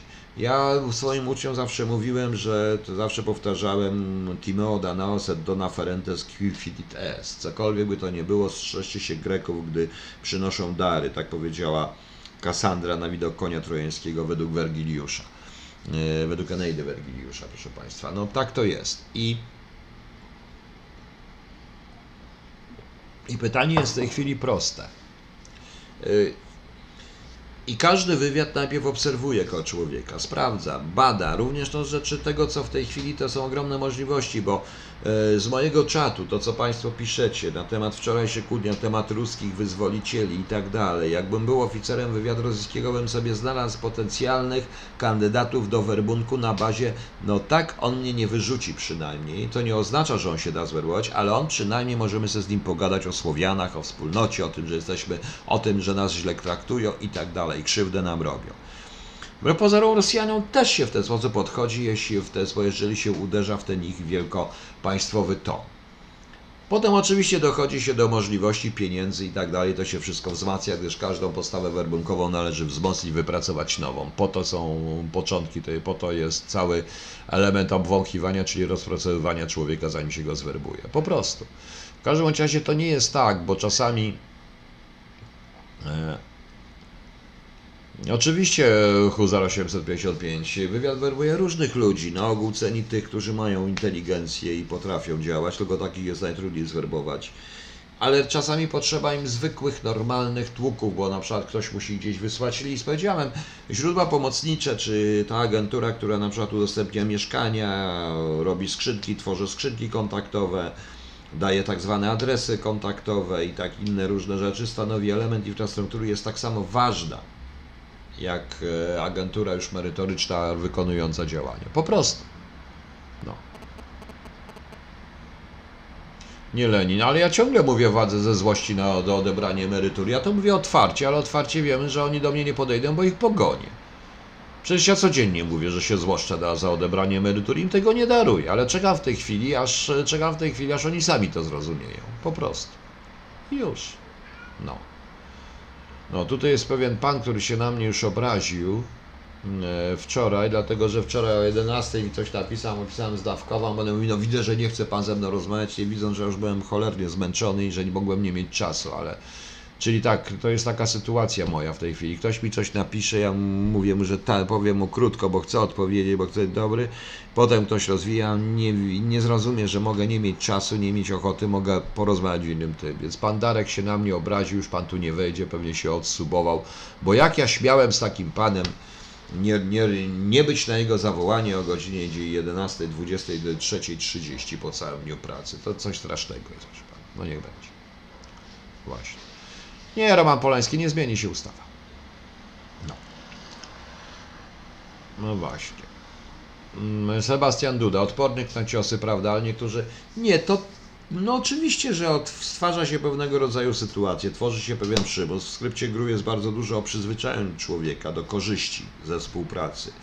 Czyli powiedziałem, jeżeli komuś się ułatwia pewnego rodzaju stypendia naukowe, bo to jest mu na przykład potrzebne do pracy i tak dalej, to się go otrzyma w tym momencie. Trzeba być naprawdę odpornym, żeby się na to. E, I bardzo wielu ludzi jest wbrew pozorom odpornym, bo oczywiście nie każdy da się zwerbować, bo wbrew pozorom ludzie znają tą granicę. Bo nawet tutaj ci, którzy opowiadają o tych Rosjanach, tych wspaniałych, jak do nich by podszedł wywiad rosyjski, jestem pewien, żeby odmówili, no ale cóż.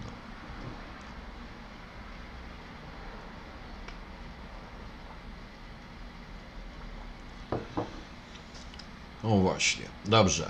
Co miałem mówić? Dobrze, proszę Państwa. A jak tam książkę? Musi Pan szybko czytać i dbać o odpór niektórym sodegrajską. Ale jaka książka? Która książka? Bo nie wiem. Bo ja tych książek trochę mam, no. No właśnie. Poza tym jest jeszcze jedna rzecz, proszę Państwa. Największym e, szkodą i największym największym właściwie przyjacielem wywiadu Najbardziej korzystną sytuacją dla wywiadu jest e, paradoksalnie pozycja, sytuacja szpiegomanii i totalnego braku zaufania do obywateli. Wbrew pozorom Amerykanie mieli bardzo dużo sukcesów zarówno w Rosji stalinowskiej, jak i w Polsce stalinowskiej, czy w PRL-u, przy tym permanentnym braku zaufania do obywateli. Dlatego, że wszyscy wszędzie szukali szpiegów, i nie widzieli, i, natura, i nie widzieli prawdziwych śpiewów. I naturalnie wielu w nich, tych, którzy tak mocno sami krzyczeli o szpiegach i o tych wszystkich, tymi szpiegami było. Przykład, przykład z dzisiejszego dnia, proszę Państwa, z tego programu.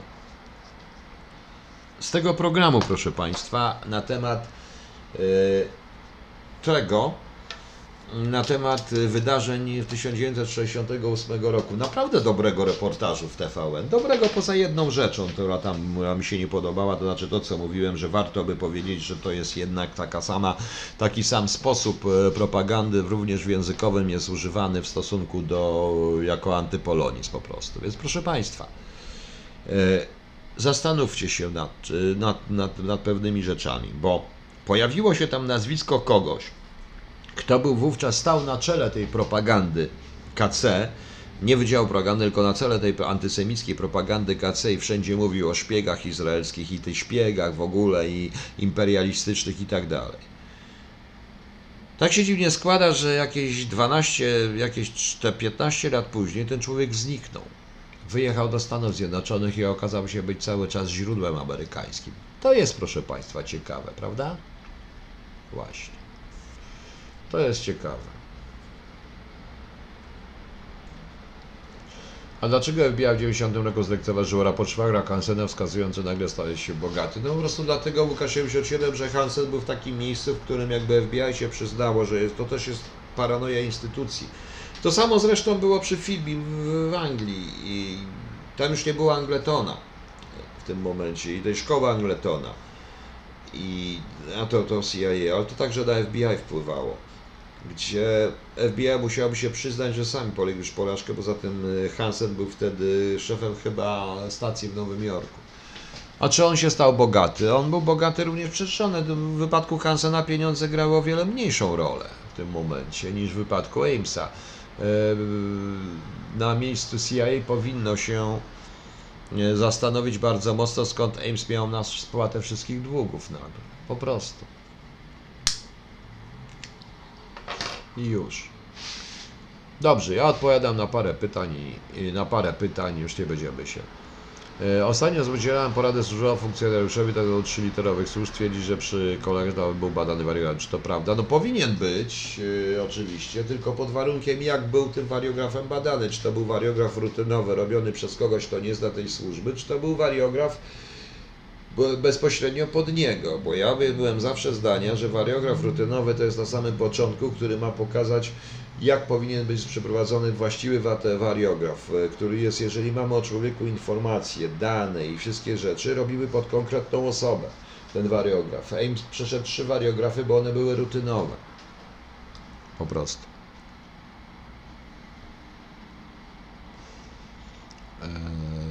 No dobra, co mamy jeszcze? Najważniejszy jest tym wszystkim człowiek, proszę Państwa.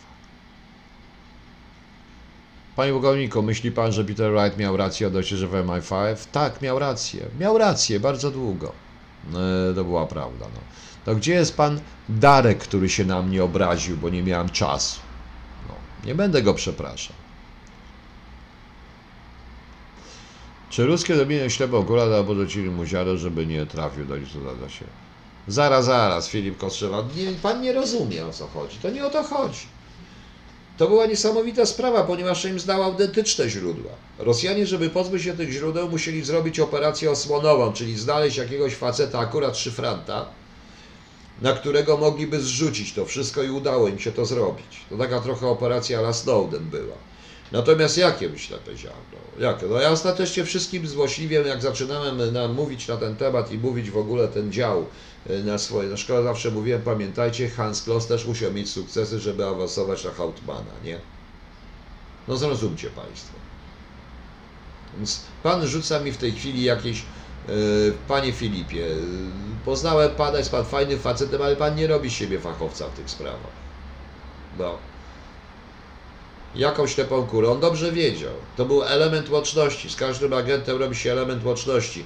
Proszę pana, jak mogę, powiem panu jedno, jak, jak będąc oficerem rezydentury rosyjskiej pod ostrzałem FBI w Stanach Zjednoczonych, przy tym reżimie kontrwywiadowczym, w jaki sposób mogę prowadzić źródło, które jest również pod ostrzałem kontrwywiadowczym, zabezpieczone kontrwywiadowcze jest naczelnikiem CIA. Tylko dając mu się zwerbować. To jest element łączności, proszę Państwa. Po prostu element łączności, taki sam jak skrzynki i tak dalej. Rozumie Pan? No.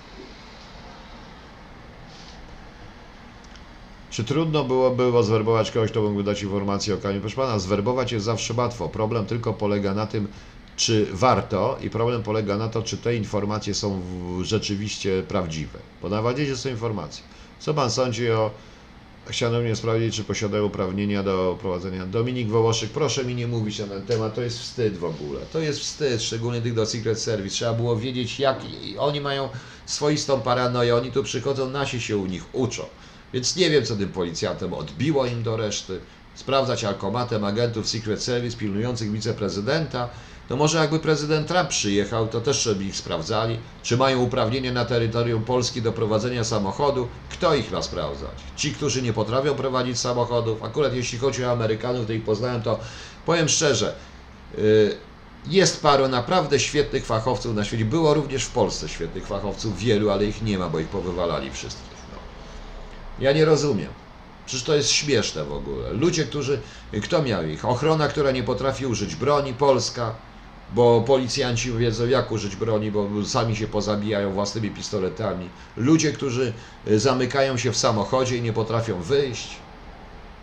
Ludzie, którzy dopuszczają do tego, żeby prezydent, czyli ochroniany obiekt, spuścić z oczu, żeby on wyszedł na otwartą przestrzeń. Przecież w Ameryce by poleciała cała ochrona natychmiast w tym momencie. Akurat od Secret Service trzeba się uczyć tej ochrony, a sprawdzać ich alkomatem, czy to jest prawda, nie wiem, czy to jest prawda, czy posiadał uprawnienia do prowadzenia pojazdów na terytorium Polski, co oni chcieli się bawić suwerenność BOR, powariowali dosłownie. Nie tak się mówi, suwerenność, tylko fachowość, fachowość i fachowość. I dziwnym trafem jakoś, yy, to powiem wprost, w Borze było bardzo wielu wspaniałych fachowców i sam poznałem, również tych, którzy opowiadaliby się za prawicą i byli po prawicy. Można by tak nazwać, chociaż oni na ogół pilnują swojego człowieka i raczej się nie opowiadali i tych fachowców nie ma.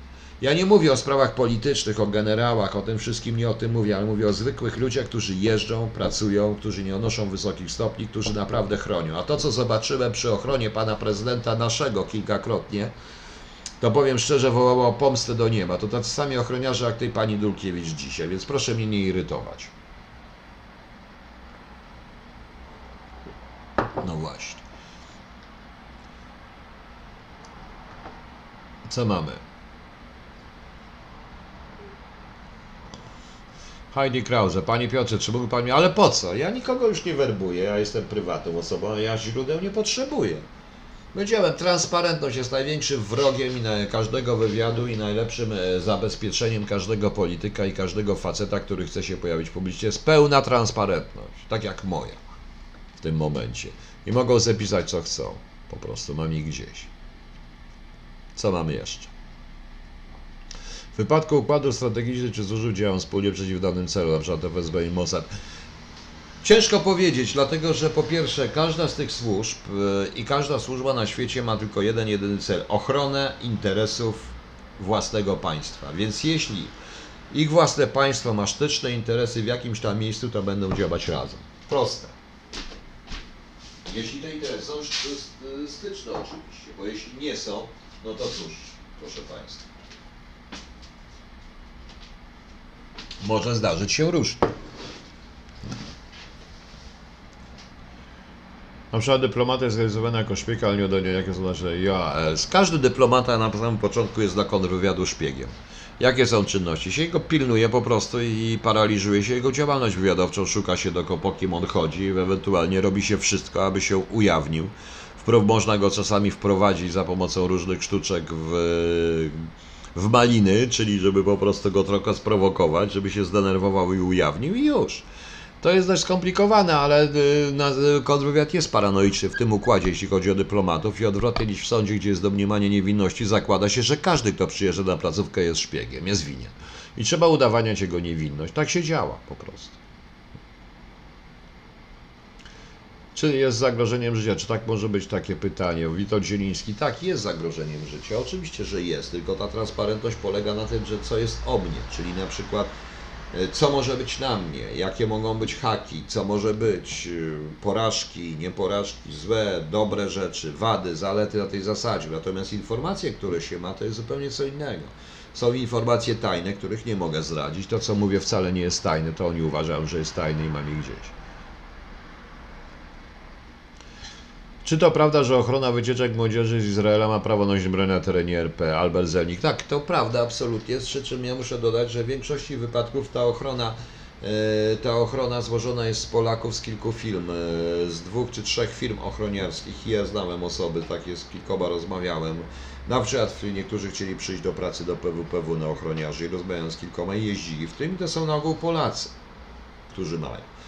E, Oprócz tego Polska daje zezwolenie na posiadanie broni tutaj, na przykład ochronie niektórych ambasad, tak jak Amerykanom, Rosjanom czy innym. My też mamy takie zezwolenia w innych krajach, więc o co chodzi? No. Na tym polega dowcip, więc to są obywatele polscy w tych firmach, żeby było śmiesznie.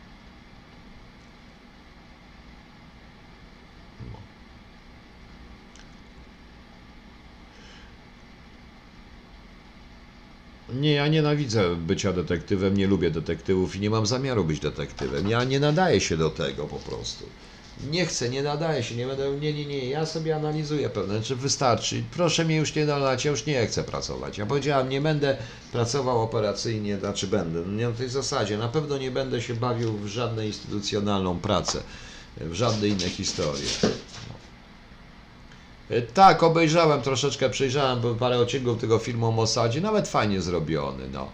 E, e, Czy fizyczna eliminacja? Proszę pana, fizyczna eliminacja, czy moją aprobatę, ale to zabójcy w imię Republiki Francuzi też tak samo. Amerykanie też tak samo, czasami tak jest. Bardzo mi, to znaczy to wszystko zależy od sytuacji.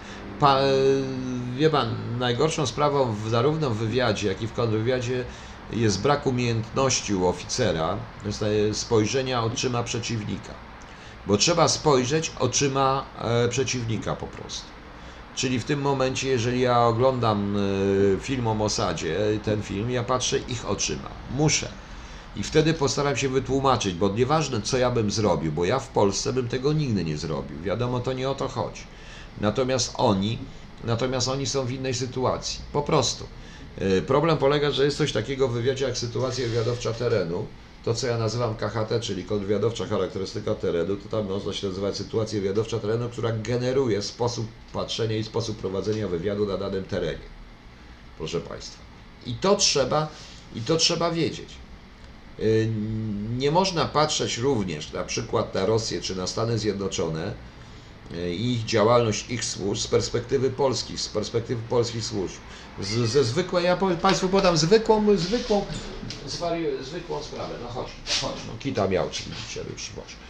Podam Państwu zwykłą taką historię. Sprawa autentyczna, chodzi o pewne miasto, y, gdzie chodzi o łączność.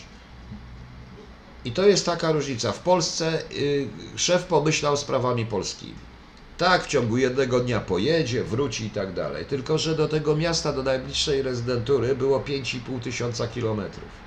Nie da się. Trzeba zupełnie co innego zrobić. Nie można myśleć kategoriami polskimi, tylko kategoriami miejscowymi. SWT właśnie tam. Ja myśląc w ten sposób, wtedy inaczej patrzę na ten Mossad, bo pan zrozumie. Z ich punktu widzenia tak. Z mojego punktu widzenia nie, ale ja myślę o tym. No.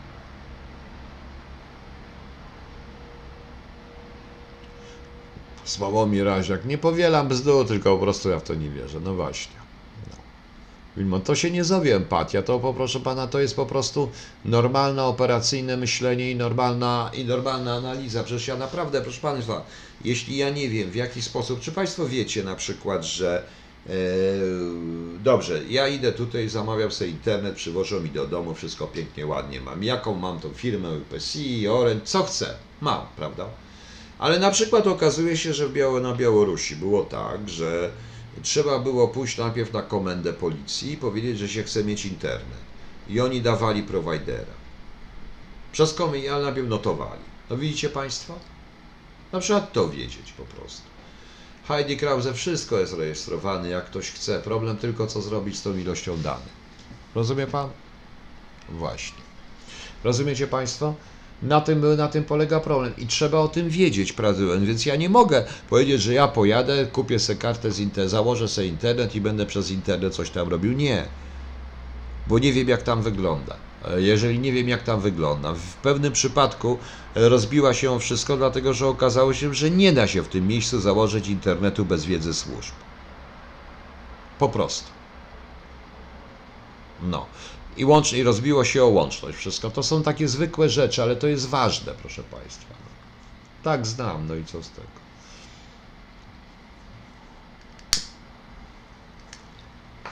Bardzo dużym błędem jest wielu młodych oficerów, że wszystko przymierzają do Polski. Ale to, co powiedziałem, i odległości też są ważne, bo to, co jest, bo odległości w Rosji są też bardzo ważne. I odległości, sama podróże samolotem jest inaczej. Odległości, mm, odległości w Polsce są zupełnie inne. Wybaczcie Państwo, ale w Polsce y, z Warszawy podskoczy człowiek do Olsztyna i obsłuży źródło, które przez Kaliningrad w ramach małego ruchu, ruchu e, ruchu granicznego przeleci, e, przyjedzie tutaj do, sobie bez prawie żadnej kontroli do Olsztyna, prawda? E, To będzie trwało jakieś 6 do 7 godzin. A czasami jest tak, że powiedziałem Państwu, na przykład z Irkucka do Moskwy jest 5000 5200 km, do Warszawy 7000, to naprawdę i to, to też się liczy, bo yy, na tym polega, że każd, każdemu się wydaje, że praca wywiadowcza to tak jak wszyscy piszą, jak chcecie tutaj. Albo wejść do wałła tego, albo rozwalić pół miasta, albo, a nie, nawet nie wie, albo, albo po prostu idzie człowiek i werbuje i tak dalej. Nawet Państwo nie wiecie, ile czasu oficer traci na przygotowaniu takiej logistyki, takiej operacji, zabezpieczenia takiej operacji na tego typu duperelach i musi wiedzieć takie szczegóły, prawda? No właśnie. Zgadzacie się ze mną, czy nie?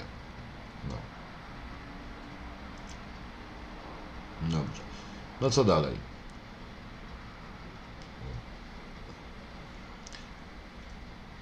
No jeszcze jakieś pytania? To proszę jeszcze jakieś pytania. A, jeżeli podpiąć się, to pani się podepnie pod sąsiada. Jest pani pewna? No. Baran przeczyta jedną książkę, robię dalej pytania. No, zadawaj po 100 tysięcy, zadawaj po 100 tysięcy. Nie, no to no nawet nie o to chodzi. Chodzi po prostu o to, że ja całe i w tych książkach też pokazuję. Proszę zauważyć w Cholubie, jak jest, kto czytał.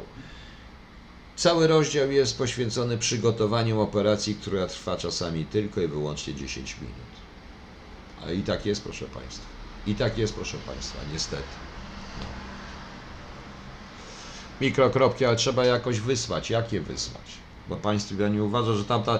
Wiesz, też jest problem, że my jesteśmy lepsi, a tamta strona jest głupia. Nieprawda. Tamta strona nie jest głupia. Należy założyć, że jeśli my wiemy, to tamta strona wie i wtedy dopiero działać. No.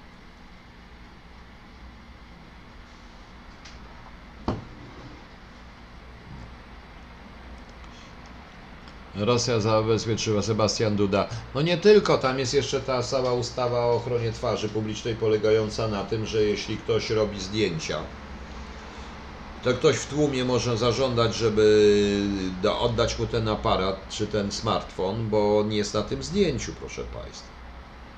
I to jest problem wykorzystywany przez nich.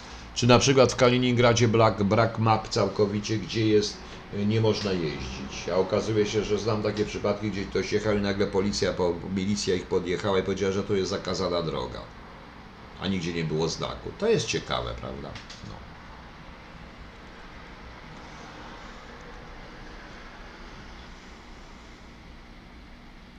Co pan zauważa, uważa o książkach Zykowicza? E, Pan Antoni 84, ja już mówiłem na ten temat wielokrotnie. A szkoda, Krzysztofka, ja panu powiem, że są. Właściwie nikt by nie potrafił zrobić już mikrokropki ani miękkiego filmu, a szkoda. E, Proszę Państwa, e, no cóż, no Zykowicz jest e, dość kontrowersyjny, powiedziałem, popełnia parę błędów. W dużych rzeczach to jest dobry historyk, ale jak każdy historyk popełnia parę błędów, jest za bardzo, nie bierze pod uwagę innych zupełnie problemów. Przykładowo w książce Opcja Niemiecka nie bierze pod uwagę sytuacji, która zaczęła się od razu 1 września 1939 roku, po której każda współpraca z Niemcami musiała być uznana za zdradę, od pierwszej zbrodni Wehrmachtu. No. Ale to nieważne, natomiast warto je przeczytać, jak każdą książkę. Czy słyszał Pan kiedyś o werbunku Wydziału Wewnętrznego w wywiadzie? Oczywiście, że tak. Nawet chyba Niestety to zamiecione zostało parę rzeczy pod dywan, bo chyba jednego namierzyłem po prostu i chyba wiem o tym, że jest i mówiłem wielokrotnie. Potwierdzili to często i partnerzy, różne dziwne rzeczy. Należało usiąść, rozpracowywać, no ale niestety człowiek dostał wielkie stanowisko i ma dużo stanowiska, a mnie zabrali emeryturę, bo on ma lepszy PESEL. Trudno. Ale ja już ich nie znam, nie chcę ich znać. Panie pułkowniku, czemu po obsługa polskiej pracownia dyplomatycznej jest polski z sprzedażki kierowca obsługi oddziałów jest miejscowa? Zależy gdzie Maciej to, to zależy gdzie. W wielu wypadkach jest miejscowa i to jest moim zdaniem błąd, ale tak jest. Amerykanie i inni też mają tutaj miejscowe. To jest wzięte pod ten. No. Yy, Ja nie wiem, kto to jest Wojciech Sumliński. Proszę mnie nie pytać, panie Danielu. Ja naprawdę nie wiem. Ja nie czytam wszystkiego.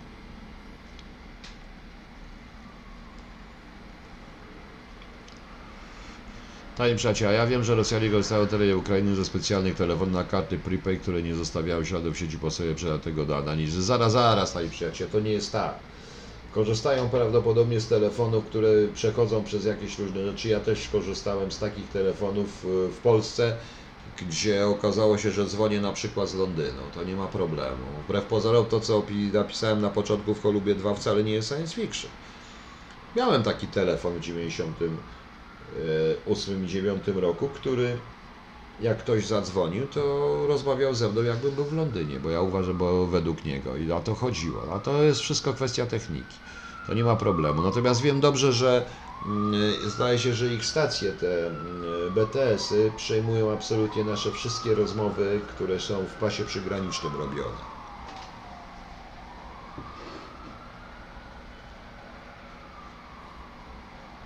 Krzysztof Kała. Co miałem? Wtedy byłem zły i powiedziałem panu to, co chciałem, a teraz jestem w dobrym humorze, więc mówię panu prawdę. Panie Krzysztofie Kało, nie zadaje pan mega ważnych pytań.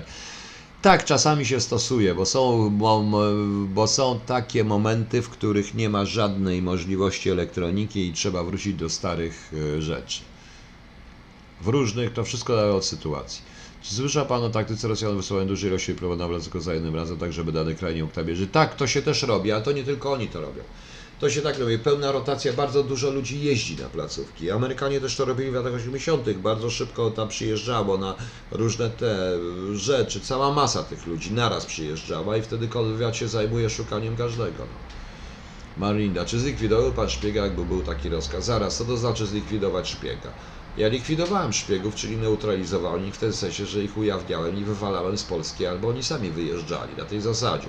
Czy pan myśli, że zlikwidowanie, pani myśli, że likwidowację? Nigdy nie dostałem polecenia, żeby zlikwidować szpiega, ale jakby rzeczywiście był to bardzo groźny szpieg i trzeba było go zlikwidować jako Polak dla Polski, bym to zrobił, no i mówię wprost. No. Dlaczego? To mam się tego nie wstydzę, to taka praca, taki wywiad. No. Oni by zrobili to samo z tymi, którzy działają przeciwko ich krajowi normalne. A ja mam pytanie o tak zwany region nieznany. Wyświetla się na przykład region nieznany. Nie wiem, muszę zobaczyć, bo nie wiem o czym pan mówi. Jasiek, ptasiek, miał, miał, miał, miał liczącą się. Miał, miał i to bardzo liczącą się. No, w niektórych krajach to muszę Państwu powiedzieć, że również po roku 90 na naszej agenturze opierały się niektóre kraje sojusznicze. Tylko i wyłącznie. Niestety za to wszystko zapłaciliśmy. E, Piotr Nowak, ja zabójcy w imię Republiki są bardzo, to jest bardzo ciekawa książka, to trzeba poczytać oczami Francuza po prostu. No, no właśnie. Jak tam temat zyskiwania domu? Ja domu po dziadku? Nie mam domu po dziadka.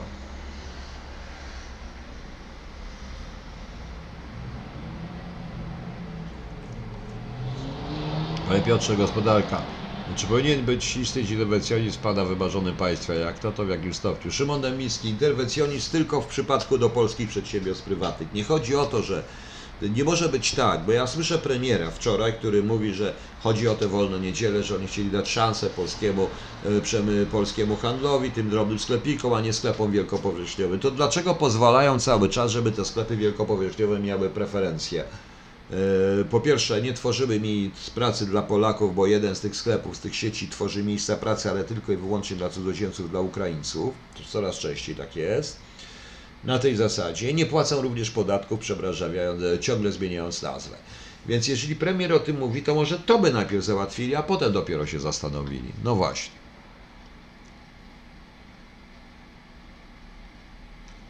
E, e, Panie Piotrze, czy z tym Huawei uważa Pan słusznie, że ich się dyskryminuje w USA i powoli też w Polsce i czy możliwe, że faktycznie pracują? No, oczywiście, że tak. Ja cały czas uważam, że Chińczycy chcieli zrobić sobie swoiste NSA za pomocą, e, po raz chyba pierwszy, za pomocą e, prywatnego przedsiębiorstwa elektronicznego, które weszło na rynek. Tak przypuszczam. Przypuszczam również, że Chińczycy bardzo mocno dogadali się z Niemcami, ponieważ tak się składa, że to niemieckie podmioty gospodarcze, szczególnie niemieckie, yy, niemieckie sieci telekomunikacyjne, oni promują na siłę, wrzucają Huawei'a w tej chwili. No właśnie. Yy, czy Polska powinna mieć taką służbę, jako mi kiedyś miała i nadal powinna mieć? Tak uważam. Co tu mamy? Na te, na te, na te, no to muszę zobaczyć, co to jest. To jakieś są z, maską. Czy wszyscy śpiewają patrioci, a, a James Bond był patriotą? Bez sensu. Mają gojku. Na Białorusi prorosyjscy ekstremiści z drzewem partii komunistycznej na czele, Walendrako na wieczornym marszu śmiertelnego pułku ogłosili integrację DLR oraz Białorusi z Rosją. To bzdura. Wiem i Amerykanie już zauważyli, to nareszcie się ktoś przebiło również do naszych, to co ja bardzo często mówiłem, nie tylko ja zresztą, na temat to, że my, że my przegwizdaliśmy Białoruś, mamiąc się przyjaźnią Ukrainy. Gabi, pytam o przyjaźń polskich politycznych z osobnikami Izraela. A jest jakaś taka przyjaźń? No że ona jest w cudzysłowie. To nie wiem, to chyba ci nasi po prostu często powariowali, a nie chcę mówić tutaj, no. Czy za zabójstwo się załubił Stawierzy Pietruszka, czy rozkaz był gdzie indziej?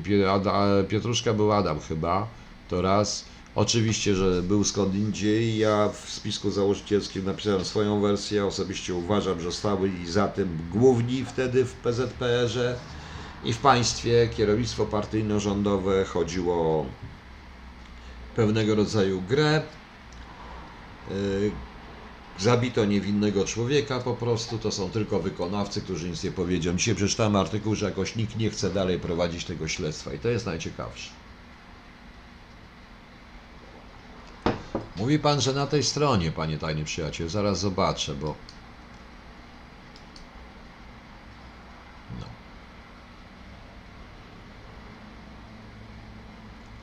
A, nie do mnie, no dobrze.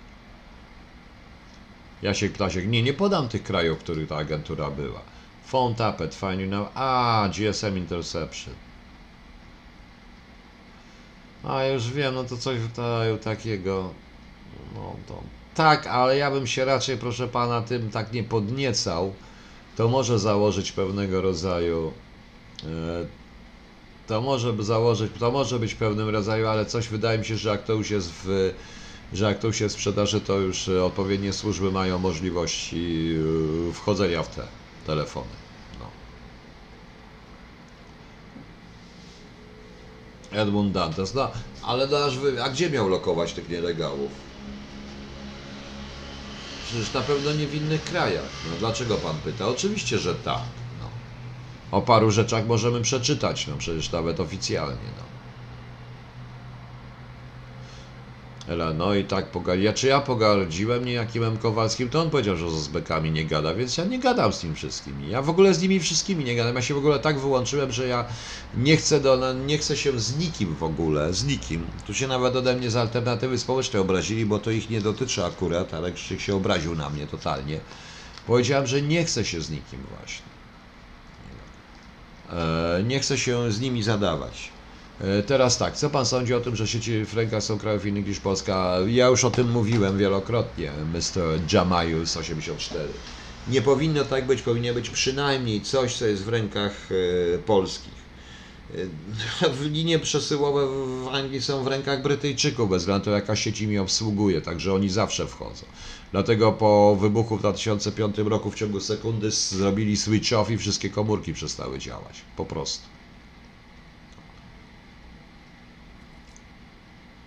Panie Piotrze, 20 musiał Pan opuścić kraj na zajście Australii. Czy może Pan zająć się Pan zostało? Tak, no oczywiście do Londynu. Ja byłem w Londynie, cieciem w Londynie, jak mówią niektórzy. Byłem jednocześnie oficjalnie odpowiedzialny za bezpieczeństwo ambasady, byłem oficjalnym przedstawicielem polskich służb. Po prostu musiałem wyjechać, ponieważ tu byłem całkowicie spalony na parę lat. Notabene Rosjanie od razu tam mnie rozpoznali i podeszli do mnie i to było najciekawsze. Ale trochę z Angolami żeśmy się z nimi pobawili. Było fajnie. A to ci, tak piszą, to nie wiedzą, co ja robiłem. Zresztą generalnie, bo, bo to skąd wywiadu, oni wywiadzie nie wiedzieli. Ja nie chciałem wracać do wywiadu, a musiałem według prawa wrócić, bo ja nie, nie cierpię wywiadu w ogóle, mówię wprost. I nie cierpiałem agencji wywiadu, czy zarządu wywiadu, odkąd. Nie cierpiałem ich po prostu. Mam prawo, nie chodzi o ludzi zwykłych, normalnych. Nie chodzi o ludzi, ale mam prawo jako instytucji. No. Zresztą. No. No Właśnie. Światłowody na subach energetycznych chyba sobie jeszcze polskie. Czy ja wiem? Nie wiem. No. I czy jest metoda zneutralizowania Kaliningradu? No, w pewnym sensie tak. Czy próbowano? Tak, próbowano, ale się nie udało. Mi się nigdy nie uda. Nie. Raz mnie próbowano i się źle skończyło, dlatego co próbował. No. Krzysiu, znaki zapytania. No nareszcie się odezwali, bo myślałem, że już się na mnie obraziłeś. Alternatywa społeczna jest jedyną rzeczą, którą popieram. I uważam, że, powi- że na bazie alternatywy społecznej powinno się założyć. Tam są tylko ludzie tacy, Tabarek Lutowski, inni to tacy, którym naprawdę nie zależy na, e, nie myślą w kategoriach miejsc na listach wyborców. I to jest w odróżnieniu do tego, co powiedziałem. Ja dzisiaj napisałem wyraźnie na przykładzie żony pana Kalisza. I wy, wam, Państwu się wydaje, wszyscy oni są tacy sami. Mają was wszystkich gdzieś po prostu i mnie też. Prawda, ja już napisałem taką książkę o zabawie z Rosjanami. Powiedziałem tylko jeden wiem w cholubie, co jest prawdą, co nie jest prawdą. Niektórzy się wściekli. Bardzo dobrze. Także nie to nie alternatywa, tylko alternatywa społeczna. I odzywaj się tu, Krzysiu, bo to przecież jesteś ty alternatywą społeczną i powiedziałem, to jest jedna, no. To jest jedna z tych. Czy można przewerbować nielegalów? Jan Polak, oczywiście, że można, każdego można i były takie przykłady odwrócenia nielegalów, tylko że wiecie Państwo, y, to jest bardzo trudne i bardzo rzadkie. Najpierw trzeba znaleźć nielegała. Często jak się znajdzie nielegała, to w biednym przypadku wycofywaliśmy w ciągu dosłownie kilku godzin nielegalała. Nie Lenin, czy można się wyrwać, zrobić kontrwywiadu? Nie, e, nie można. Jeżeli to jest dobry kontrwywiad, to raczej nie można, powiem wprost. Nie można. Natomiast ja dzisiaj usłyszałem coś, niestety ten człowiek miał do mnie nie zadzwonić, ja chciałem coś właśnie powiedzieć. No.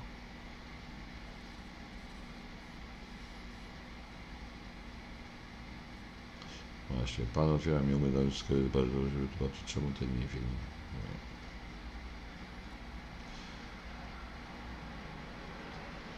Dobrze. E, Zaraz, zaraz, zaraz coś Państwu tutaj przeczytamy. A będę musiał to zanonimizować, więc trochę potrwa. Gdzie jest ten mój człowiek, który mi to napisał? No, no, no, no, no, no, no, no, no, już, już. O, jest.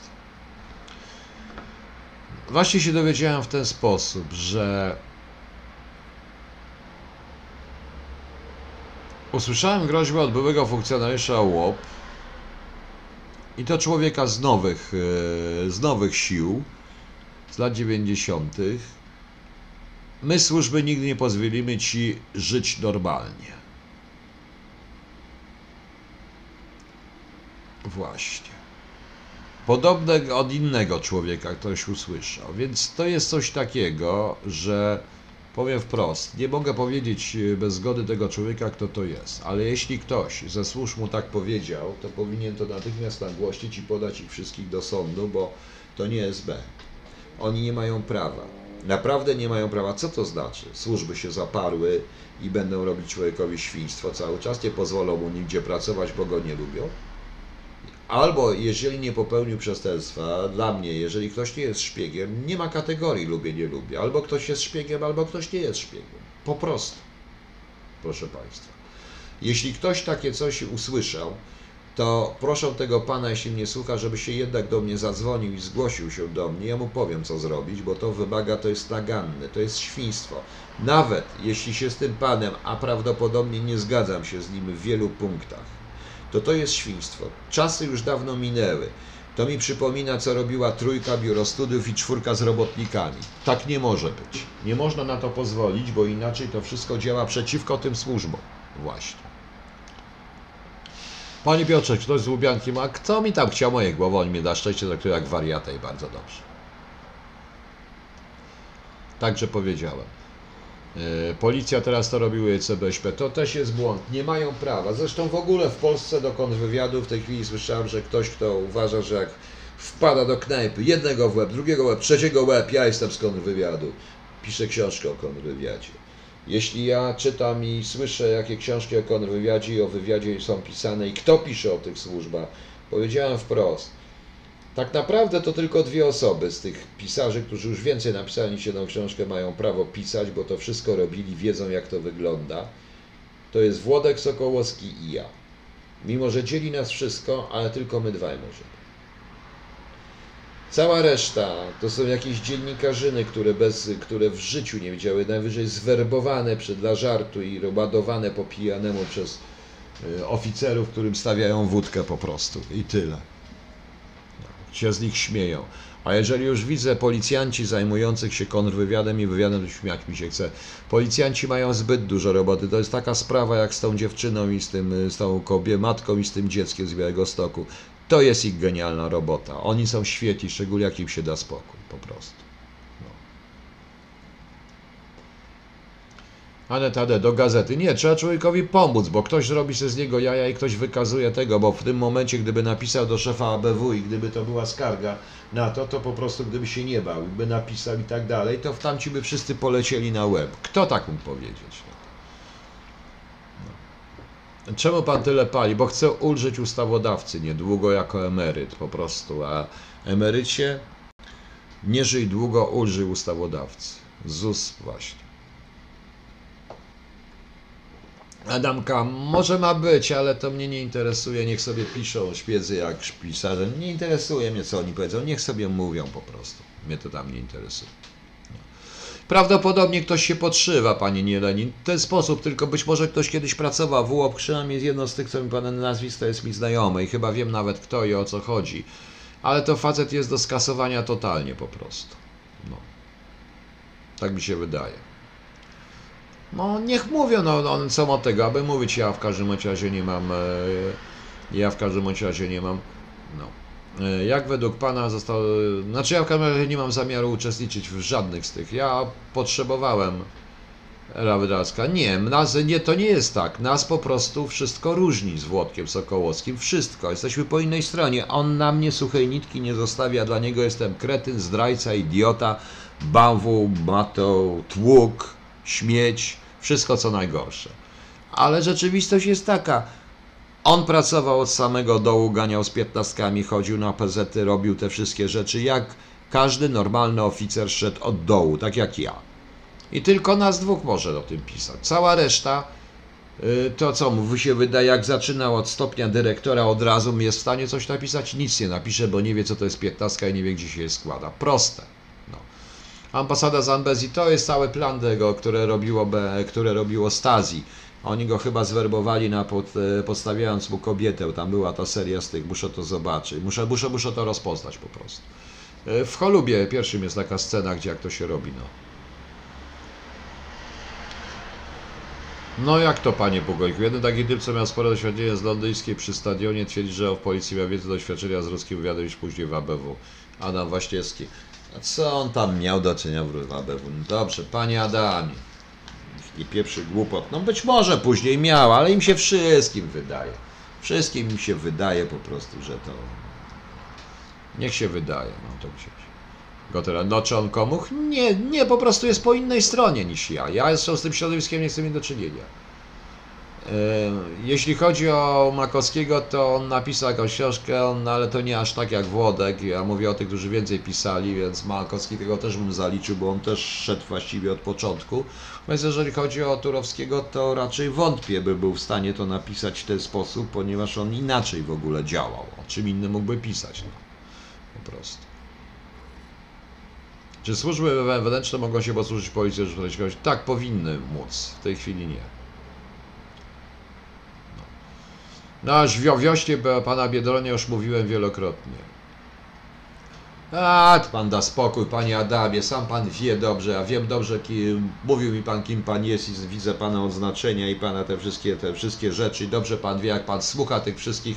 No co pan pomyśli, panie Adamie, o facecie, który jedzie na misję i przysyła se i potem się pokazuje i robi se zdjęcia na Facebooku i na Facebooku tej tajnej misji pokazuje. Był tam dwa dni w portki i uważa, że, że to jest chore, prawda? I on się równa na przykład z Panem. Nie, nigdy nie miałem do czynienia z służbami nigeryjskimi. E, właśnie. Czy wrócił Pan do służb? Aneta D. No co to znaczy, czy wróciłby? Po pierwsze, nie mam szans wrócenia do żadnych służb, już jestem za stary. Po drugie, ja zostałem totalnie wyleczony. Proszę Państwa, ja uważam, że jesteśmy w, nie w tej sytuacji, nie w takim kraju, jakim jest teraz. Nie do tych służb, nie, w te, nie, do, nie do tych rzeczy. Ja uważam, że to się powinno wszystko zmienić, a Kościoła się nie zmienia po prostu. Prawda, raz tylko robiłem z katolickim, ale tak to później nasze drogi się w ogóle rozeszły. Natomiast zetknąłem się z nimi z gromem totalnym, także czasami już. Kiedyś im robiłem dla gromu jakieś szkolenie konwiadowcze, ale to dawno było.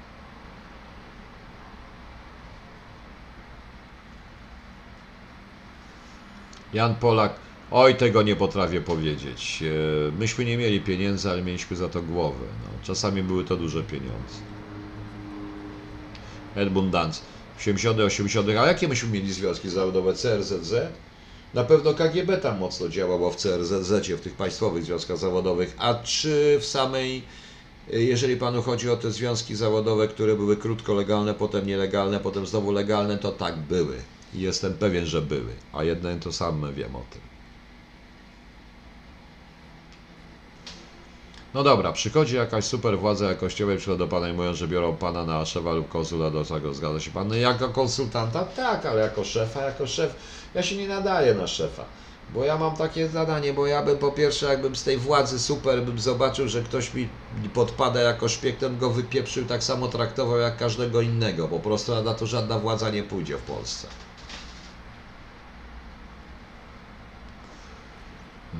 Być może po masonerii pogadamy sobie troszeczkę przy okazji. A, co do Bokotu Jantkowskiego i TD, to należy odpowiedzieć się dawno się oddaje honoru jako członkowi SS. Tom, to jest konsekwencja, bo proszę Państwa, traktujmy wszystkich równo. Jeśli prasa osądziła, to jak osądzić Waffen-SS? On był członkiem, Gras był członkiem Waffen-SS, a nie SS jako takiego, to jest inna sprawa. E, jeśli chcemy bojkotować Michaela Jacksona za coś, co właściwie wszyscy wiedzieli, że, to był, że, był, że on właściwie był niedorozwiniętym dzieckiem, tak na dobrą sprawę. Rozwiniętym fizycznie człowiekiem o mentalności dzieciaka skrzywiony przez rodzinę zresztą. Śpiewa, robił świetne piosenki, świetnie śpiewał i naprawdę dobre to jest w jego gatunku muzycznym i naprawdę to jest kamień milowy. I teraz się rzucać na niego, on już też nie żyje. Bez sensu. Tak samo prasa wydała wyrok na księdza Jankowskiego i pozbawiła go honorowego obywatelstwa Gdańska bez wyroku sądu, bez niczego, tylko i na podstawie artykułów prasowych. To dobrze. W ten sposób można o każdym napisać, czyli rozumiem, że Polsce sądy niepotrzebne w ogóle, czy jakiekolwiek prokuratora, czy dochodzenia, wystarczy, że określone gazety, prasa coś napisze, prawda? I wtedy jest już wyrok i skazujący, tak? To samo dotyczy bojkotu Jacksona. Dlatego powiedziałem, że to jest głupota. Totalna głupota jest bojkot Jacksona, jak głupotą byłaby bojkot Romana Polajskiego. Prawda? Czy pozbawienie jego honorowego obywatelstwa, tak samo Grasa, Grasa którego Braszany Bębenek lubię jako książkę. W ogóle. Znam, zwiedzałem kiedyś Gdańsk śladami Gintera Glasa, znajomy mi pokazywał, więc to też było fajne. Rawa Wojnowski, niech pan się nie pyta, nie trenowałem nic w czynnej służbie, trenowałem na ulicy i to najważniejsze. Tam, tam, gdzie się wychowałem, a ja się nie wychowałem w Alei Róż, tylko na innych trochę, na Targówku i na Kole, więc to trochę inaczej wygląda. No. Właśnie wyborcza by się też za Jacksona, ta z młodością dały jest skarżenie. No tak, ale w ten sposób to niech się w końcu wezmą na przykład za, nie wymienię nazwiska tego proroka, bo tam jest ewidentne, nawet z jego książki to widać. No. To jest bez sensu troszeczkę. River Negre. To jest właśnie, no wie co. Więc nie rozumiem zupełnie, o co chodzi. chore to jest po prostu i bez sensu. Dlatego powiedziałem, ja się w ogóle z dziennikarzy właśnie. A ten stokroć z pańskich książek nie ociera się Jankowskiego, a stokroć nie, nie ociera się na pewno o Jankowskiego. Na pewno nie o księdza Jankowskiego, ale może o kogo innego troszeczkę. Powiedziałem jeszcze raz, ja nie neguję bólu ofiar i nie neguję, że te ofiary mogą mieć rację. Ale nie można, wyrok został wydany przez prasę. I jeszcze raz powiem, skoro to było wiadomo, jak twierdzą dwie ikony Solidarności, jak również o związkach księdza Jankowskiego z SB, tyle lat, to dlaczego te ikony pozwoliły do postawienia pomnika i w ogóle do zrobienia tego wszystkiego? No. Powiem wprost. No.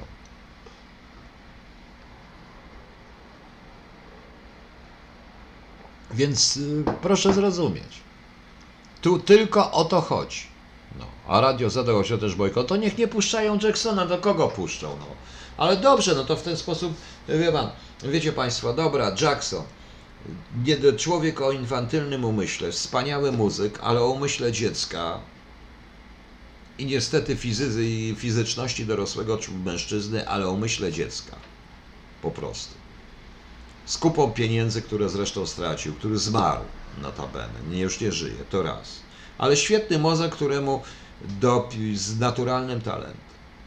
To tak jakbyśmy również El Duel na Elvisa Presleya coś znaleźli. To jest chore, proszę Państwa, to jest po prostu chore. E, to jest element kultury, którego popkultury, czy w ogóle kultury, której e, nie, nie wymarzymy w ten sposób. Beethoven był skącem i wstrętnym człowiekiem w ogóle, jak to się, jak się mówi w ogóle dla ludzi.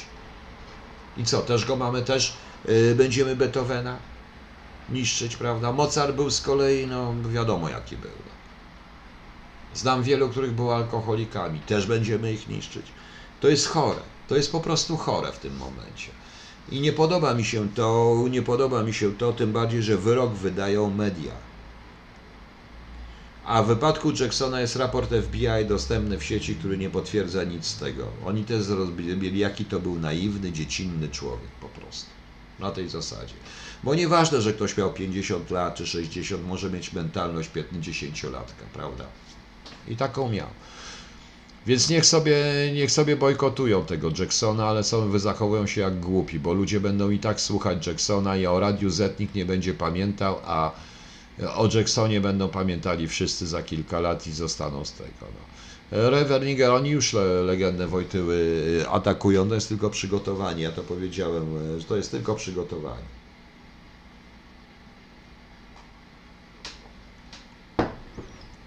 Nie mam konta 24, proszę wejść na stronę alternatywy społecznej, na, albo na tym, albo na Facebooku, albo na tym, tam wszystko jest i dogadać się z tym dogadać się dwa siostry z e, szefem alternatywy. No. Główny poszkodowany, który twierdzi, że mnie robił krzywdę, ma grubą taczkę na policji, już powiem cały przestępstwo bardzo wysoko postawionego polityka SLD. Prokurator umorzył. No, oczywiście, że tak. Ale y, jaka moralność, y, proszę Państwa? O czym mówimy? To w takim razie dobrze. W takim razie dobrze. Mam pewną, jeszcze raz powtórzę. A propos księdza Jankowskiego. No dobrze. Ale jak powiedzieć o tych, którzy o tym wiedzieli tyle lat i publicznie o tym w telewizji mówią i jednocześnie podtrzymywali tą legendę? Wiedzieli, nie powiedzieli. To jak o co o nich powiedzieć? Tak samo są odpowiedzialni. Teraz zadam pewien teoremat, to oczywiście nie jest, Wam się podoba, nie, nie spodoba Wam się porównanie oczywiście, ale jest taki teoremat, to nawet wypływa z łaskawy. Jeśli jest rozłożenie winy, to proszę zobaczyć, kto jest winny bardziej. SS-man, który strzela Żydów, żydowskiemu dziecku nad rowem z wapnem w głowę. Czy kolejarz, który pociągiem przywiózł to dziecko na ten dół z wapnem. Czy ten y, dróżnik, nastawiacz, który nastawił odpowiednią zwrotnicę. Czy ten y, urzędnik, który w ministerstwie podpisał zlecenie na ten pociąg, żeby ten pociąg w ogóle ruszył. I nagle, jak, jak rozwiążecie ten teoremat, to zobaczycie, że najmniej winny jest ten SS-pan. Bo jego by nie było, on by nie istniał bez tych, bez tego, który podpisał to zlecenie. Rozumiecie Państwo? Na tym to polega, więc pytanie proste. A tutaj prasa wydała wyrok. I w, w rezultacie na karę śmierci i słusznie skazano tego SS-mana. Ale większość tych urzędników przeszła, miała bardzo dobre życie w RFE. Rozumiecie Państwo, o co mi chodzi? No właśnie o to mi chodzi, po prostu. No,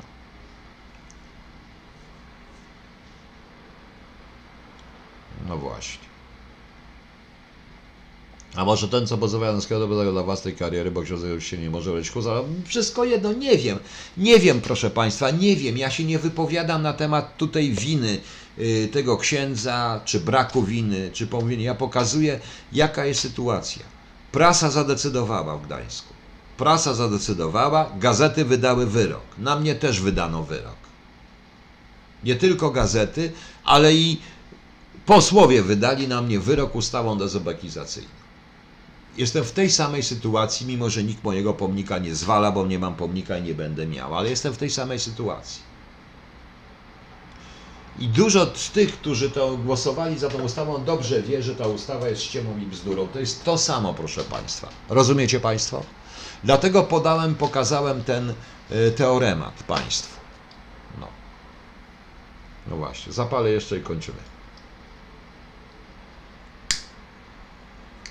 Jeżeli ksiądz Jankowski tego się dopuścił, jest winien, to powinien być przeprowadzony odpowiedni proces, nawet po śmierci.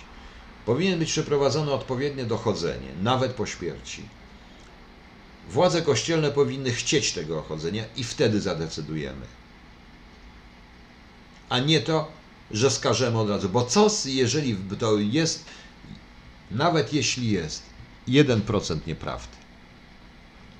To jest domniemanie niewinności, prawda? No właśnie. No nie, pani Agato, pomnika nie będę miał. Nawet nie będę miał nagrobnego pomnika, bo powiedziałem, że ja na swój własny pogrzeb nie pójdę. I nie pozwolę się zanieść. Tak. Jeżeli ty, no, czy to nie jest tak, że ikony Solidarności rozpowiadały tak, że jako drzewie dziela, teraz są pewni, że się nie, nie odwinie. Wiedza na pewno działa na dwie strony. Tak, oczywiście, Paweł Krzysio. Masz absolutną rację. Dobrze to mówić teraz, jak ktoś nie żyje. A dlaczego to tolerowali? Poza tym powiedziałem, w tym samym Gdańsku ktoś, kto był wtedy prezydentem, kiedy uchwalano honorowe obywatelstwo? Nie wiedział? Skoro jego najlepszy przyjaciel wiedział. Kto zezwolił na ten pomnik? Kto wydał wszystkie pozwolenia? Kto partycypował w kosztach? Nie wiedział? Dwóch największych dwie ikony wiedziały. No. Tu już pan Wałęsa zachował się. E, tu już pan Wałęsa zachował się porządnie, bo powiedział, że nic o tym nie wiedział i nie chciał nic mówić, a on by dużo wiedział na ten temat, jeśli by to była, jeśli by to była do końca prawda. No, właśnie. Tomek G. Czuje się Pan przegrany? Nie, bo Państwo jesteście. Nie, ja się nie czuję przegrany. Przegrani są ci wszyscy, którzy to uchwalili, którzy doprowadzili do tej sytuacji, w tym również moi koledzy, którzy nie rozumieją tego, co ja robię i dlaczego to robię. Byli u nas. No. Panie Ugonie, sposobem sfinansował, proszę podać numer opinii namiar. Sibus, namiar jest, Krzysiek, daj namiar na stronę tutaj. Słuchasz mnie, to daj tej chwili namiar na stronę.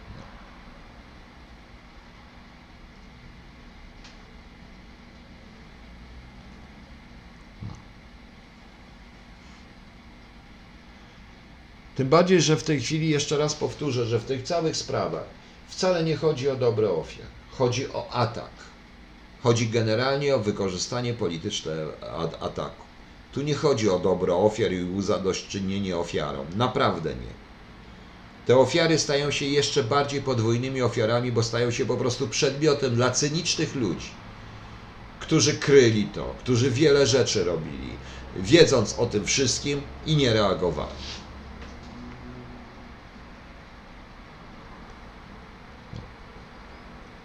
Na tej podstawie, proszę bardzo, ja jestem w stanie też doprowadzić do artykułów prasowych o X, Y, Z, prawdopodobnych, którzy będą napisać jakieś znowu czarne księgi, czy jakieś inne historie, bez sensu.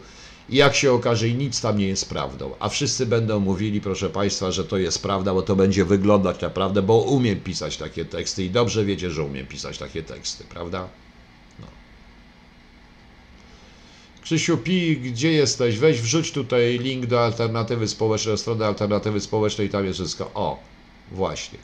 Ale to chyba, Arek, ale to chyba jest małymi tutaj, czy dużymi literami, żeby się ktoś nie pomylił. Dobra, wrzuć tutaj i tam wszystko jest, a łącznie z moim manifestem, no, który tam jest. Więc proszę na alternatywę społeczną spojrzeć jako na coś, co dopiero na pewne jądro krystalizacji wobec ludzi o poglądach naprawdę propolskich poglądach, których nie zależy, którzy nie myślą o Polsce w kategoriach, miejscach na, li, na listach wyborczych tylko chcą coś dla Polski zrobić. No. I już. No, no pewne, że mam paru przyjaciół, więc yy, bo na pewno mam bardzo wielu, między Państwa wielu, z Państwa wielu przyjaciół i już. I chodzi mi o to, że zastanówmy się nad tym, proszę Państwa, bo z drugiej strony mamy kogoś, kto jak się kto ma 2,5 promila alkoholu we krwi i dobrze ustosunkowany mąż może stwierdzić, że siedział za kierownicą i nikt nie będzie nic mówił. I jej się nie stanie. I oprócz tego mamy również Kowalską, zwykłego, zwykłą Kowalską, która szła lekko pijana i policja ją zwinęła na izbę wytrzeźwień po prostu. No. Wszystkie symbole, to jest atak na symbole po prostu Polski i już. No. To nie jest manifest alternatywny, to jest po prostu mój trzypunktowy program polskości. Co to znaczy polskość? Nie oparty to jest na krwi przede wszystkim. Nie ma tu żadnego wolkiś, tylko prawdziwa polskość, czyli utożsamianie się z Polską. No, no jeśli chodzi o Grunwald, to może nie dzisiaj.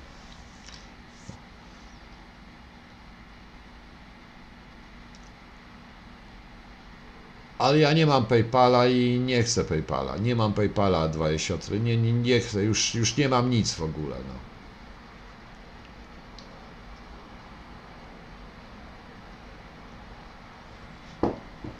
A Rafała z kogo?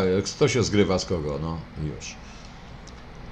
Dobrze. Nie musi być długi, tylko konkretny. No właśnie. A myśli pan, że roli grozi to samo, co Stonoce Barlina? Roli nie to samo, co Stonoza. Rola nie robi tam, tam, tam. Jeśli chodzi o Stonogę, to jakieś przekręty w ogóle, różne osady. Nie wiem.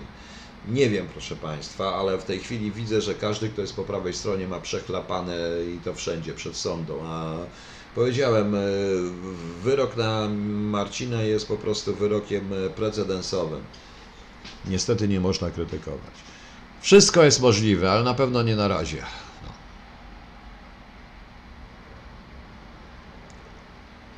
Punktowy program polskości. Tak, to jest trzypunktowy program e, polskości dokładny. No. To po co pan pułkownik pisze te choluby wojnowe? Niestety trzeba napisać, na pewno się sprzeda. Ale ja nie chcę sprzedać. Nie chodzi o to. Te choluby też się sprzedają w tej chwili. Jak się zajęli tym ludzie, to też bardzo fajnie. Też dlatego to między innymi robię. Ludzie poza mną zainwestowali swój czas, swoje pieniądze i uratowali to wszystko. I dobrze, i niech tak będzie. Ja się chcę odwdzięczyć, bo będę niedługo robił tutaj e-booka, tutaj gdzie jest pan Darek, panie Darku, bo mówiliśmy, książka pana Darka jest dość trudna, ale opowiada jedną rzecz, zresztą przeczytam wam fragment tej książki, pan Darek już mi pozwolił, bo będę robił z tego i będzie można w formie e-booka, bo nie stać nas na, na przynajmniej mnie na wydrukowanie. To zaraz państwu fragment przeczytam. A, bo to jest książka między o prawdziwym artystach i o McDonaldzie, że tak powiem, czyli o McDonaldyzacji świata sztuki. Zaraz Państwu przeczytam, tylko mi się otworzy, bo mi się coś nie chce otwierać to w tej chwili. No, o, jest. Proszę. Czytam, to pan Darek e, napisał, na razie nie wiecie nazwiska. Żyjemy w czasach, odezwał się Albert, wspierając swój policzek na dłoni i popatrując markotno w bok, w których, jak wynika z moich obserwacji, nie ma ludzi zwykłych, prostych i skromnych. Nieledwie wszyscy, pomijając starszą pokoleniową generację, czują się gwiazdami pierwszej wielkości. To jest jakaś choroba wieku. Co gorsza, ludzie ci przywiązani są do swojego zdania jak do własnego tyłka, chociaż większość z nich szybciej mówi niż myśli. Nie przeszkadza im to jednak brać swój własny, ciasty, podobny do kloaki intelektualny horyzont za nieboskłon. Ludzie ulepieni z takiej samej gliny jak my, a zwłaszcza uciekinierzy od komercyjnej melasy, zawsze zmagają się ze światem. Ale specyfika egzystencji, jak również praca artysty, po części również jest niebagatelnym wkładem w jego los, zauważyłem, nakładając sobie na talerzyk kolejne ciastko. Artysta nigdy nie może być pewien, pomijając rzecz jasna różnego rodzaju megalomanów i hochsztaplerów, którzy zazwyczaj niczego w życiu nie osiągają, nie powinien brać za pewnik wartości swojego dzieła, a tym samym wartości siebie samego jako jednostki twórczej. Może dać się poznać jako wybitna osobowość, indywidualność obdarzona nieprzeciętnym talentem, nawet geniuszem, lecz może także okazać się skończonym zerem. Trafna ocena naturalnie należy do krytyki oraz ludzi jemu współczesnych lub, co niestety zdarza się o wiele częściej, do jego potomnych. No więc dość ciekawe jest to, dość ciekawe jest to zdanie i ciekawa książka. E, po prostu. No. I ciekawa książka, e, no właśnie. Yy, Tak, McDonaldyzacja świata sztuki, to znaczy to ja to tak nazywam po prostu. No. Tak, na cholubowo.pl w tym sklepie można to, można to kupić. Także widzicie Państwo, w tej chwili decyduje się, w tej chwili rzeczywiście ktoś, kto napisze jakieś głupoty. Yy, Albert Zielnik, to będzie można, ponieważ pan yy, Darek e, którego tutaj nie ma w tej chwili, wyczytałem jego książkę, to już się z nim umówiłem i ja zrobię z tego e-booka, ja mu zrobię za darmo, a cholubowo się zgodziło wystawić tego e-booka. Jeśli się zarobi na wydanie, to się wyda na zadaniu, na, na wydaniu. Teraz będzie e-book po prostu z tej książki. No. Także to są fajne rzeczy. To jest trudna książka, to jest książka bardzo, że tak powiem, dość e, taka e, trochę przypominająca Oscara Wilda miejscami w jego najlepszych momentach sztuki dla sztuki w tym momencie, ale generalnie to warto to przeczytać. Ona mi się podoba po prostu. No.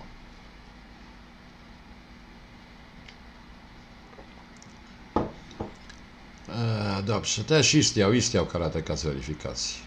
No. Dawid Bielecki, jeżeli chodzi o audiobooka, to nie wiem gdzie, jeżeli chodzi o czas nielegałów, to jest informacja na, ze sklepu, tam na, na stronie właściciela sklepu, że audiobook będzie, że ten, że czas nielegałów w formie książki będzie od przyszłego tygodnia, nie wiem. Zobaczymy, ja tylko podpisuję. Właśnie. E, Dobrze, proszę Państwa. Dziękuję Państwu. Już strasznie późno. No. I dobranoc. Do jutra. Jutro też coś dodamy.